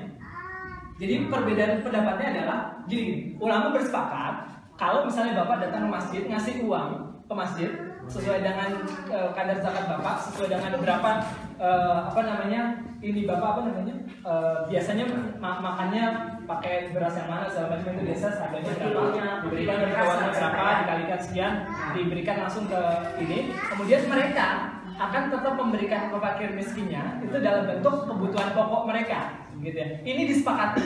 Tapi yang menjadi persisihan oleh para ulama adalah kalau yang dibagikan itu adalah uang itu tetap menjadi persisihan Tidak ambilnya ngasih ke Bukan, tapi fokus saya ini fokus saya itu ke transaksi mencari equal value saat Iya. kita menyerahkan ke pengurus. Iya, iya. Kenapa di saat kita transaksi dinar emas Oh iya, harus karena yang real transaksinya sebenarnya Pak itu ada konversi di situ, konversi uang ke Boleh, ke boleh. ininya. Itu ulama membolehkan konversi uang tadi. Jadi memang secara real ada pertukaran kan dari uang ke barangnya gitu. Walaupun bukan hari itu, ya kan? Bapak memberikan uangnya misalnya 100 ribu gitu kan, di situ hanya ada beras gitu misalnya Bapak terus kemudian akad segala macam gitu kan. Tapi nanti diberikannya eh, Tapi maksudnya misalnya kita gerai dinar apa saat Iya. kita membeli atau menabung atau saya sepakati bahwa saya akan menabung misalkan 10 gram emas ya. yang equal dengan nilai rupiah Oh, Oke. 5 juta berdasarkan harga aneka tambang hari ini. Iya, Itu boleh. Itu itu sudah ada produknya. Sudah ada. Sudah ada produknya di bank syariah dan mendapatkan approval dari MUI dan dan DSN. Ya, saya hanya mengatakan hanya bisa mengatakan itu. Adapun posisi saya di mana, ya eh, apa namanya? eh, saya bisa, bisa jadi saya punya alasan untuk mengatakan ini kayaknya perlu kita tinjau ulang. Tapi kemudian secara legal di Indonesia setidaknya saya case lain kurang aware eh, itu diperbolehkan namanya murabah emas. Gitu. Jadi memang kita menabung, tabungnya uang, tapi di langsung ditakar dengan emas. Jadi menabung misalnya 100 eh, hari ini nabung 500 ribu, ya oleh bank langsung oleh 500 ribu itu setara dengan satu gram emas gitu, ya angkam. Maka yaudah tabungan kamu di situ itu adalah satu gram emas angkam. Gitu. Ya. Itu terjadi dan di approve oleh eh, DSN itu yang ya di, di Indonesia. Gitu. Ini nggak apa-apa nggak selesai ya pak ya kita apa-apa. diskusi ya. Ya, ya. Maksudnya slide-nya. Ini bisa di copy. Uh banyak nih kayaknya. Wah, habis nanya kita langsung track dulu. Kalau di koperasi gimana ya koperasi misalkan koperasi PNS lah misalkan Eh, orang tua misalkan pinjam sekian terus eh, bayarnya lebih gitu kan ada bunganya tapi kan koperasi kemudian mendapatkan keuntungan dan kembali lagi ke anggotanya itu bagaimana? Itu yang pertama. Nah, yang, yang kedua, misalkan ada dua pihak melakukan transaksi dan ternyata terbukti atau ada dugaan di situ terjadi gorong penipuan. Nah, bagaimana penyelesaiannya? Iya. Jadi menjustifikasinya apa? Ada kedua ya, alhamdulillah. saya mungkin uh, share yang opini saya terkait dengan yang kedua dulu ya. Siapa tadi? Media. Media. Oke, media. Jadi ada, saya nggak masukkan ke dalam sini kembali lagi karena ini uh, topik yang lain. Ada namanya dalam Islam itu khiyar. Khiyar itu adalah pembatalan transaksi ketika transaksi itu sudah terjadi. Khiyar itu kalau misalnya ada goron, goron di dalamnya, itu khiyarnya tidak secara mutlak langsung batal, eh langsung uh, uh, terexercise gitu ya. Jadi harus batal transaksinya harus sal- saling mengembalikan uang, mengembalikan barangnya tidak. Tapi butuh mass media untuk show gitu ya. Bila misalnya gini, uh, jual beli HP gitu ya. Tapi kemudian uh, di HP-nya ada cacat, ya kan? Itu kan sebenarnya uh, karena kita nggak lihat keseluruhan, ya kan? Tapi dia garantinya adalah HP ini baru, gitu kan? Tapi di dalamnya ketika buka, kita buka, gitu kan? Itu misalnya ada cacat bagaimana lah ya kita nggak perlu spesifikan gitu. Nah itu mas, itu punya hak namanya hak khiyar, hak untuk datang lagi ke pembeli, eh ke penjual dan meminta kembali uang mas, refund, oke? Dan itu praktik kayak gini, honestly justru terjadi di negara-negara seperti UK gitu, bukan di negara Islam gitu. Itu itu sadly ya. Uh, tapi tapi it- mereka melakukan itu hak khiyar bahkan ya misalnya kalau kalau bercandaan teman saya itu dulu uh, apa namanya ketika winter kalau winter nanti itu nggak usah beli jaket. Beli ya beli aja jaket satu gitu kan. Misalnya 100 pound gitu ya. Nanti setiap 14 hari sekali gitu, itu ganti gitu. Iya sih bisa. Iya kan begitu kan. Itu sampai ada pemikiran kayak gitu. Itu kan berarti kan uh, consumer protection mereka terhadap goror itu tinggi sekali betul tidak? Betul kan karena kita bisa kembalikan bisa kita refund Di, di Indonesia lebih hafal berarti udah diantisipasi nggak boleh. itu mereka di Indonesia dari awal sudah susun dari awal sudah ini di sini kan terus susun awal anyway ya tapi kita kita ya, bertahap lah. Itu mungkin ya negara-negara maju kan sudah seperti itu. Consumer protectionnya memang tinggi sekali. Itulah eh, hakikatnya dari eh, yang ingin di dijaga oleh Islam. Sebenarnya sistem kayak gini lah yang ingin di, di achieve. Ya jadi yang kedua tadi ya mas ya. Yang pertama terkait dengan jadi kita tidak bicarakan apa itu eh, institusinya, formnya itu seperti apa. Dalam Islam itu eh, form itu penting, tapi substance itu lebih harus dilihat. Substansinya tadi ada riba atau tidak gitu. Walaupun itu nanti kembali ke dia lagi gitu ya. Tapi kalau memang dia riba, maka itu eh, terlarang. Tadi tadi saya katakan bahwa makosid syariah terpenuhinya dia kalau substansinya masih tetap ada itu tidak juga menjadi justifikasi bahwa itu menjadi boleh gitu. Ya. Tapi kan kita sekarang punya banyak banget tuh. Nanti ka- kalau kita masuk mungkin langsung masuk aja ya cepet. Next.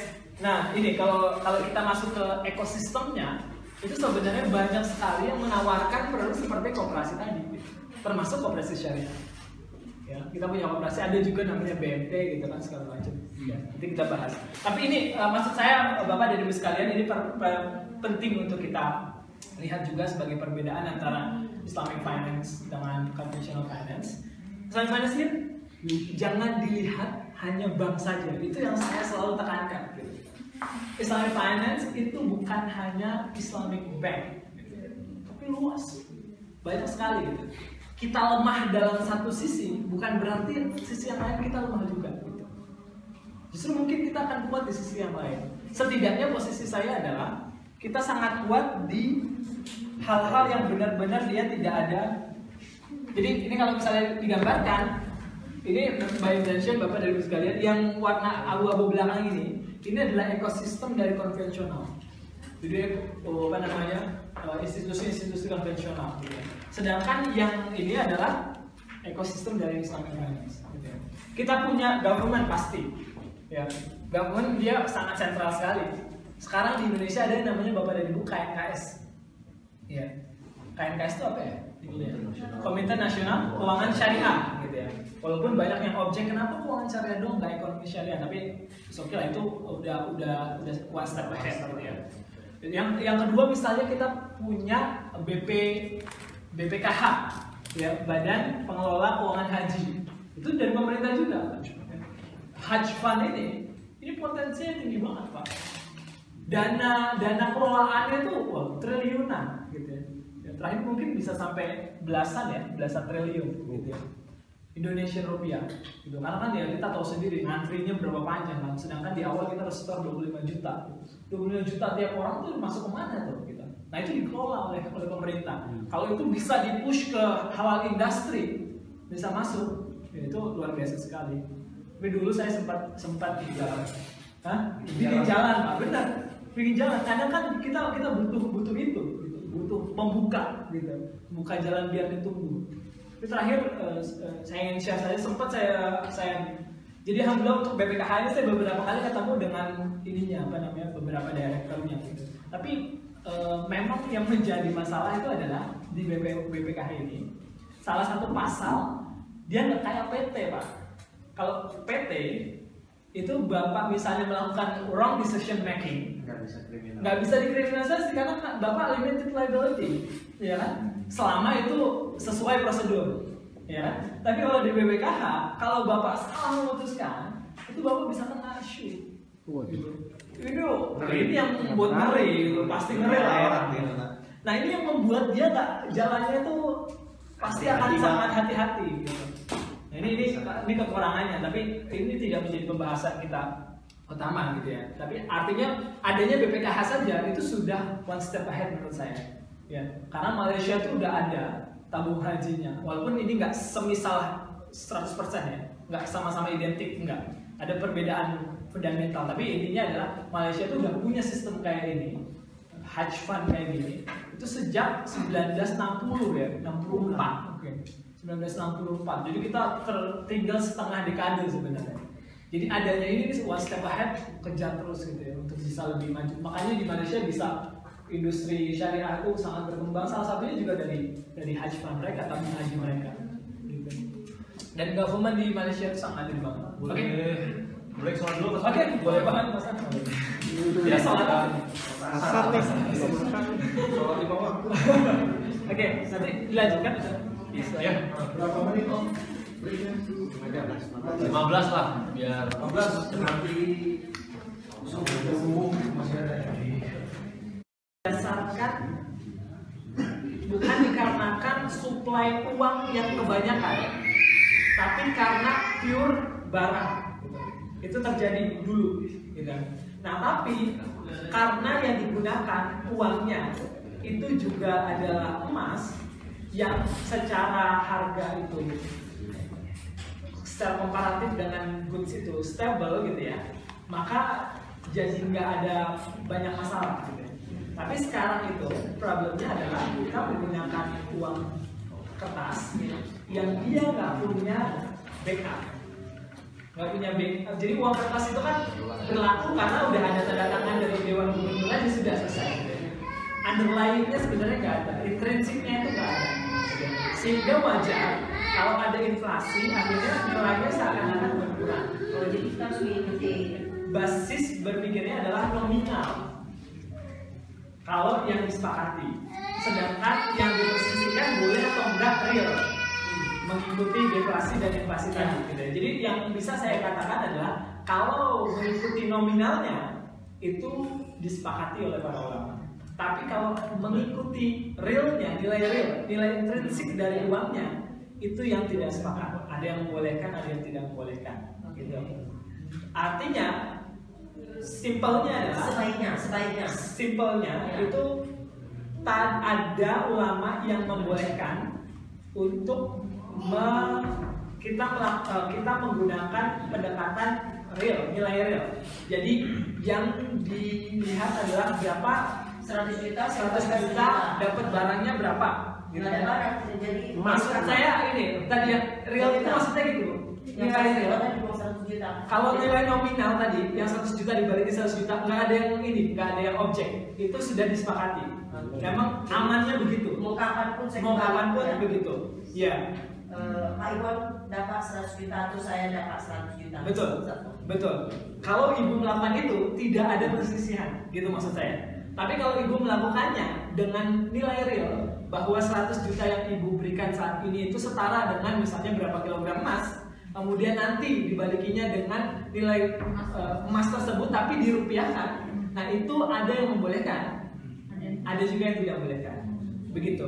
Jadi saya bawakan semua pendapat ibu dan bapak merdeka untuk memilih. Ya. Kalau saya saran saya adalah kalau bisa keluar dari perselisihan itu yang lebih baik. Nggak usah minjemin. Selamat. Gak usah minjem itu baik. Atau kalau benar harus minjem nominal dengan nominal gitu. Itu keluar dari perselisihan. Gitu. Oke. Mohon izin Bu untuk melanjutkan. Kita waktunya mungkin eh, terbatas. Saya sedikit me- tadi ada banyak pertanyaan juga terkait dengan ini. Ini maksud saya adalah tadi government kita punya banyak legal system Bapak dan Ibu sekalian. Maksudnya adalah undang-undang yang berlaku segala macam. Sayangnya kebanyakan ekonomi Islam itu itu memang tumbuhnya di negara yang legal sistemnya bukan berdasarkan syariat gitu. sehingga pasti akan banyak restriksi pasti akan banyak eh, perbedaan dan pasti akan banyak apa namanya negosiasi ya nggak bisa 100% terimplementasi gitu ya setidaknya butuh effort yang lebih. International bodies ini banyak ada namanya apa namanya uh, IOV segala macam ini tidak saya bahas. Commercial finance ini eh, masuklah nanti eh, apa namanya per- problem utama dari commercial finance di sini adalah misalnya bank syariah atau sukuk segala macam dia kembali lagi dia mindo dia itu hidup di ekosistem yang sama dengan konvensional. Sehingga mau nggak mau misalnya eh, Mas Arief nih kerja di misalnya kita sebut eh, BSM gitu. BSM itu by definition secara ekosistem dia sama dengan bank mandirinya. Ekosistemnya sama persis gitu. Konsumennya yang disasar kadang-kadang juga sama gitu kan ya. Dan pemikiran konsumennya sama gitu kan. Sehingga kalau ada produk yang berbeda dan eh, yang satu tidak lebih efisien dibandingkan yang lainnya maka sudah barang pasti. Kalau bank syariah tidak memberikan efisiensi dia akan ditinggalkan. Gitu kan? Sesimpel itu karena ekosistem tadi ekosistem yang hijau. Terus tapi saya mau highlight yang satu ini bapak dan ibu sekalian. Social finance ini juga harus kita lihat. Ya jadi finance itu nggak melulu Islamic finance nggak melulu tentang bank syariah, nggak melulu tentang sukuk misalnya, nggak melulu sukuk itu Islamic bond, obligasi syariah, nggak melulu misalnya tentang microfinance syariah, BNP segala macam, tapi ada juga social finance, misalnya wakaf, zakat, atau donasi-donasi yang kemarin kita sudah kumpulkan yang tadi dikoordinir oleh Karisma juga, masya Allah gitu kan bisa membantu saudara-saudara kita. Itu juga bagian dari Islamic finance, tapi di sisi sosialnya, gitu. Jangan sampai terlupakan. Begitu. Next. Nah ini eh, eh, apa namanya banyak nanti bapak dan ibu bisa bisa baca apa saja detailnya seperti apa, begitu kan? Eh, halal industri ini penting, gitu ya. Eh, tapi sayangnya competitiveness kita masih sangat kurang. Kita masih berada di top 10 tapi tidak tidak bagus. Tapi yang yang bagus adalah justru ada di social finance. Di social finance bagian mana? Next aja mas. Terus sampai bawah aja. Ini eh, terus mas. Saya tidak bahas karena detail sekali. Kalau misalnya dia dibahas tidak bisa. Nanti kalau ada waktu kita bahas. Eh, next, next satu lagi. Nah ini ini eh, terkait dengan social finance ini baru saja dirilis tahun ini.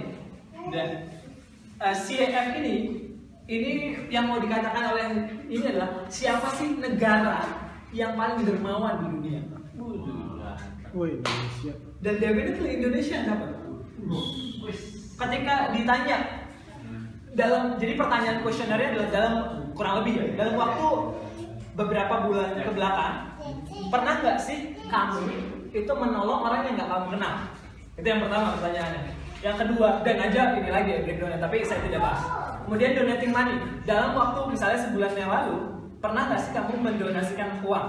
Kemudian dalam waktu sebulan yang lalu pernah nggak sih kamu volunteer yang nggak dibayar untuk kegiatan tertentu?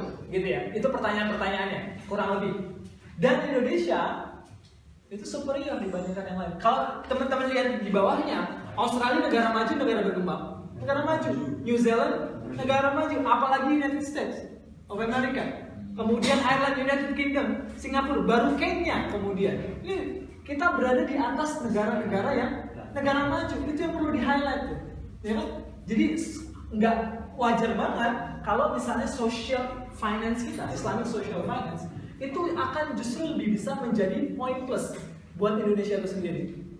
Coba lihat bagaimana kalau saya sempat di- ditanya dulu itu karena saya sempat aktif juga di eh, Basnas kalau bapak tahu ya Basnas itu by the way ini ya apa namanya, eh, Badan Amil Zakat Nasional bukan Basarnas ya beda lagi. Apa? Waktu itu saya sempat ke daerah gitu ke daerah beberapa kali gitu kan ke daerah-daerah gitu saya bilang bapak dari mana saya dari eh, Basnas pak saya eh, apa namanya senior researcher dari Basnas gitu Oh, Basnas itu yang suka nolong-nolong itu ya kalau ada musibah. Iya sih Pak, tapi bukan itunya gitu. Kita yang membagikan. Jadi disamakan Basnas dengan Basarnas gitu. Jadi awareness-nya uh, masih kurang ternyata. Tapi anyway, bukan itu fokus kita. Fokus kita adalah saat ditanya terkait dengan uh, Islamic finance itu sebenarnya bedanya apa sih? Saya uh, selalu selalu mengatakan coba kalau kamu nggak bisa merasionalisasi commercial Islamic finance, coba kamu rasionalisasi social Islamic finance, ya, Islamic social finance. Kamu akan menemukan benar-benar nilai keislaman itu di situ banyak sekali. Gitu. Bagaimana kemudian nilai menolong orang lain itu ada di situ, nilai ukhuwah Islamnya itu ada di situ, gitu ya. Misalnya potensi kita sangat besar. Zakat itu, zakat kita terakhir di assess sama IRTI dan eh, abaikan IRTI-nya, IPB lah simpelnya gitu.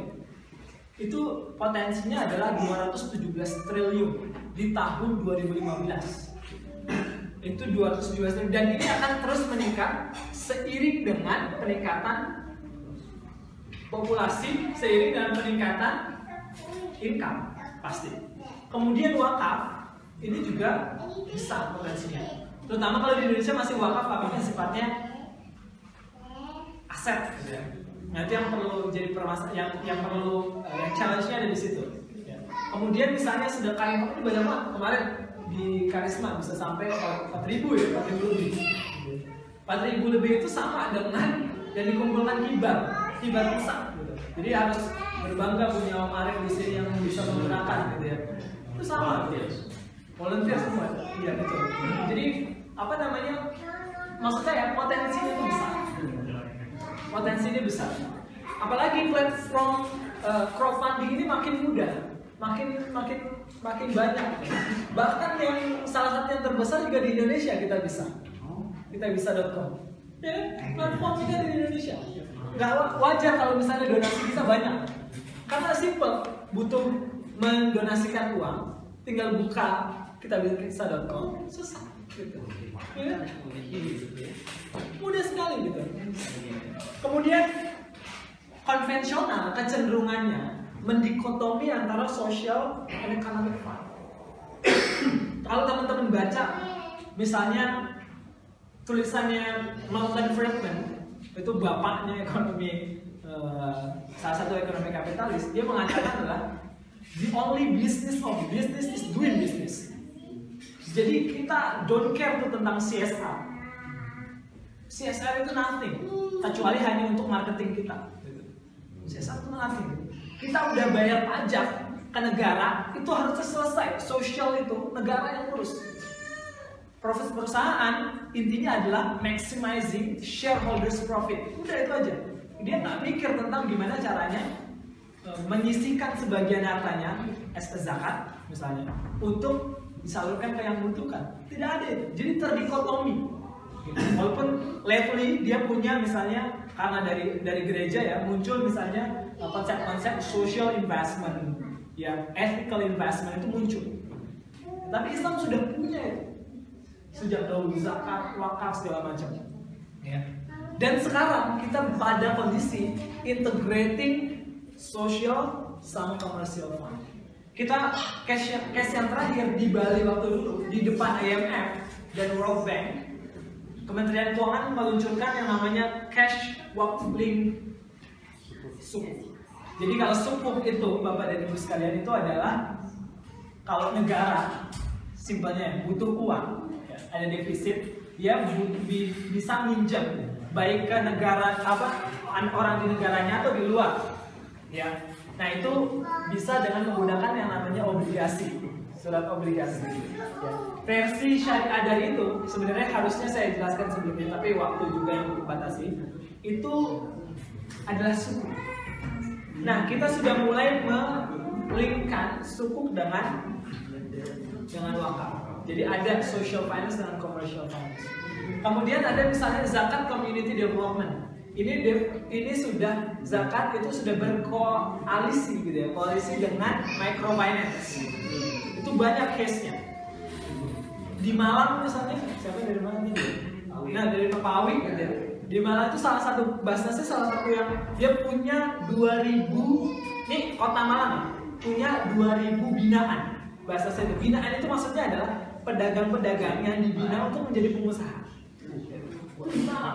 Gitu dari mana uangnya itu uang zakat yang dikelola oleh bahasa mereka BMT-nya, Baitul Mal wa Tamwil, microfinance. Jadi sudah ada integrasi antara microfinance dengan social fund kita. Kemudian ada bank wakaf ini programnya dari Pak D Jokowi gitu kan. Ada bank wakaf me, me apa namanya me, apa menumbuhkan ekonomi pesantren di Bang Wakaf ini kan Bang Wakaf ini konsepnya pesantren sentris banget. Datang ke pesantren-pesantren gitu kan didirikan di pesantren. Karena pesantren itu kan kalau yang pembinanya itu adalah kiainya oh itu nggak usah pakai sistem ini apa namanya nggak bayar itu diapain nggak usah pak. Kalau kiainya datang kan langsung bayar pasti gitu tak, lebih takut sama kiainya dibandingkan dengan OJK yang datang gitu. Seriusan. Kalau kiai yang datang itu mereka akan langsung bayar. Dilihatin aja langsung oh iya belum bayar utang nih gitu. Datang gitu langsung. Jadi uh, itu harapan yang ada. Walaupun juga next ini masih banyak sekali. Oh ini uh, so, Indonesian Islamic Financial Architecture yang dibuat oleh Bank Indonesia. Ini bukan buatan saya. Bank Indonesia yang membuat. Jadi Bank Indonesia sudah merencanakan ya, ada uh, integrasi ya uh, di arsitektur Islamic finance kita. Misalnya di sini zakat sama wakaf nih, makanya dia bisa masuk zakat masuk ke infrastructure development. Gimana caranya? Eh sorry, wakaf masuk ke infrastructure development. Gimana caranya itu diintegrasi? Salah satunya sukuk link, eh, uh, cash link sukuk, uh, cash wakaf link sukuk. Namanya susah ya. Gitu next. Tapi saya harus fair, banyak sekali masih uh, gitu ya. Dan itulah kenapa Mas Lukman ada di sini, kenapa, kenapa saya masih ada di sini, gitu untuk membahas PR-nya ini dan kemudian memberikan solusi gitu ya. Misalnya kita terlalu kalau nanti kontrak sayangnya tidak bisa dibahas gitu ya. Ini uh, ada namanya murabah kontrak sama tawar kontrak. Tawar murabah ini masih agak mending. Tapi kalau udah tawar ini udah benar-benar nanti sangat ini banget apa namanya loan banget syndicate loan kalau kita bahas nah terus pricing model. Pricingnya to be honest gitu ya mungkin uh, Mas Arief juga tahu gitu. Kita sangat benchmark banget ke konvensional gitu kalau lihat di sukuk gitu ya sukuk itu sukuk terakhir uh, yang ST002 gitu ya saya sebenarnya cukup tertarik karena returnnya 8, sekian persen gitu. Tapi kemudian kemudian itu juga bocor ya direkam sorry sorry. Jadi 8, sekian persen, tapi dia itu minimal. Dan dia kalau misalnya reponya BI rate, BI repo BI rate itu itu naik dia juga akan naik. Jadi sangat mengikuti pasar. sangat mengikuti dia tidak sesuai dengan underlyingnya dia ya itu itu masih ini. Modelnya efisiensi model tadi yang ditanyakan mas. Siapa? Oh, oh iya iya. mas Rian. Tentang efisi- efisiensi model gitu ya. Cost misalnya syariah compliant itu jadi ada yang namanya payty premium gitu. Jadi premi yang harus kita berikan kepada kepada uh, financial institution, Islamic financial institution karena piousness kita. Jadi uh, walaupun ya, walaupun beberapa ulama, bukan ulama tapi scholars dari Islamic finance, misalnya Ahmad Al dia mengatakan bahwa justru nggak apa-apa kayak gitu. Kalau mau, tapi ada ini ada reasonnya. Kalau mau Islamic finance itu menawarkan sesuatu yang justru berbeda dibandingkan dengan conventional finance. Gitu. ya. Nah, perbedaannya itu dijustifikasi dengan harga yang lebih besar, itu nggak apa-apa gitu ya. Lebih tinggi gitu ya. karena nanti ya itu sebagai kayak premi produk aja. Jadi produk yang premium gitu ya. Jadi ada produk reguler produk premiumnya adalah lu mau sesuai syariah atau nggak lu gitu. walaupun akhirnya lebih costly. Menurut Imam agama nggak apa-apa. Tapi itu menjadi apa? Menjadi eh, kita punya positioning. Selain finance punya positioning yang lebih clear dan nggak dependent dengan model yang ada sekarang di pasar. ya. Tapi itu pembahasannya sangat sangat ini. Nah, regulatory constraint misalnya. Ya, kalau di UK itu lebih mudah untuk membuat misalnya, oh sukuk jangan sampai kena pajak dua kali gitu. Itu mudah di UK. Kenapa? Karena dia uh, common law gitu. ya. Common law itu uh, bahasa simpelnya mungkin ya, nggak sesimpel ini ya, tapi bahasa simpelnya kalau pemerintah mau mainin law-nya di apa di, diganti law-nya atau diubah law-nya untuk sesuai dengan apa yang diinginkan pemerintah gampang lebih mudah. Kalau di Indonesia kita harus datang ke DPR DPR dibahas begitu bertahun-tahun lamanya kemudian baru diputuskan. Muamalat ada 92 ya. Regulasi tentang bank syariah baru muncul 2008 kenapa? Karena kita civil law. Civil law itu hukumnya digodok dulu diputuskan dulu baru bisa implementasi. Kalau common law sebaliknya ya, simpelnya ya, tidak sesimpel ini, tapi saya simpelkan. Biarin jalan dulu, bisnisnya kayak apa modelnya, nanti hukumnya menyesuaikan. Jadi kita bisa sesuaikan hukumnya, lebih mudah. Nah kalau Islamic itu. Kemudian consumer characteristic. Nah ini yang penting Bapak dan Ibu sekalian. Riset terakhir, riset terakhir tentang ini itu menunjukkan problem dari Islamic finance bukan hanya ada di institusinya, tapi pertanyaannya adalah konsumennya. Konsumennya mau benar-benar ini atau enggak? Jadi gini misalnya, kalau konsumennya masih tetap uh, mm, rasional gitu ya, sangat rasional, mainnya adalah efisiensi, cost and benefit tanpa mempertimbangkan bahwa ini halal ini haram, selesai makanya itu butuhnya in, apa namanya uh, ya coherent dengan dengan harusnya Ustadz Abdul gitu ya yang ngerti tentang fikih yang ngerti tentang itu di, di, diberikan uh, kita diberikan apa namanya pencerahan tentang itu gitu ya. Nah itu pentingnya. Dan yang terakhir nih yang buat saya terakhir human capital sama IT sayangnya mungkin Om Arif juga tahu banyak di bank syariah misalnya karyawan-karyawannya yang basic knowledge tentang Islamic finance saja mungkin masih kurang. Saya nggak bilang nggak punya sama sekali, tapi masih kurang. IT juga masih numpang dengan masih numpang dengan induknya. Di early stage of development, that's okay, completely okay. Tapi kita harus moving forward kan, harus punya IT sendiri. Untuk punya IT sendiri harus ada yang ngerti trik itu, harus ada yang ngerti syariahnya, ngerti ekonominya dan juga bisa buatnya gitu. Itu tricky sekali. Ya, jadi memang Islamic finance isn't complete, Bapak dan Ibu sekalian. Ini belum belum selesai. Tapi bahasanya itu adalah kalau misalnya kita punya mangga, ada busuknya sedikit, atau busuknya bahkan setengahnya, sayang banget kan kita buang semua. Kita hilangkan yang busuknya, kita makan yang masih masih masih enak. Setidaknya itu lebih baik dibandingkan dengan mangga yang seluruhnya ada busuk. Ya. Jadi kita mencoba untuk lebih baik di Islamic Finance dengan adanya teman-teman yang belajar di sini juga, bapak dan ibu juga yang support dari sisi seenggaknya konsumennya. Kita berharap ke depan akan lebih baik juga. Itu aja mungkin yang bisa saya sampaikan mas, karena juga tanya jawab sudah di tengah-tengah tadi ya. Terima kasih uh, atensinya. Assalamualaikum warahmatullahi wabarakatuh. Alhamdulillah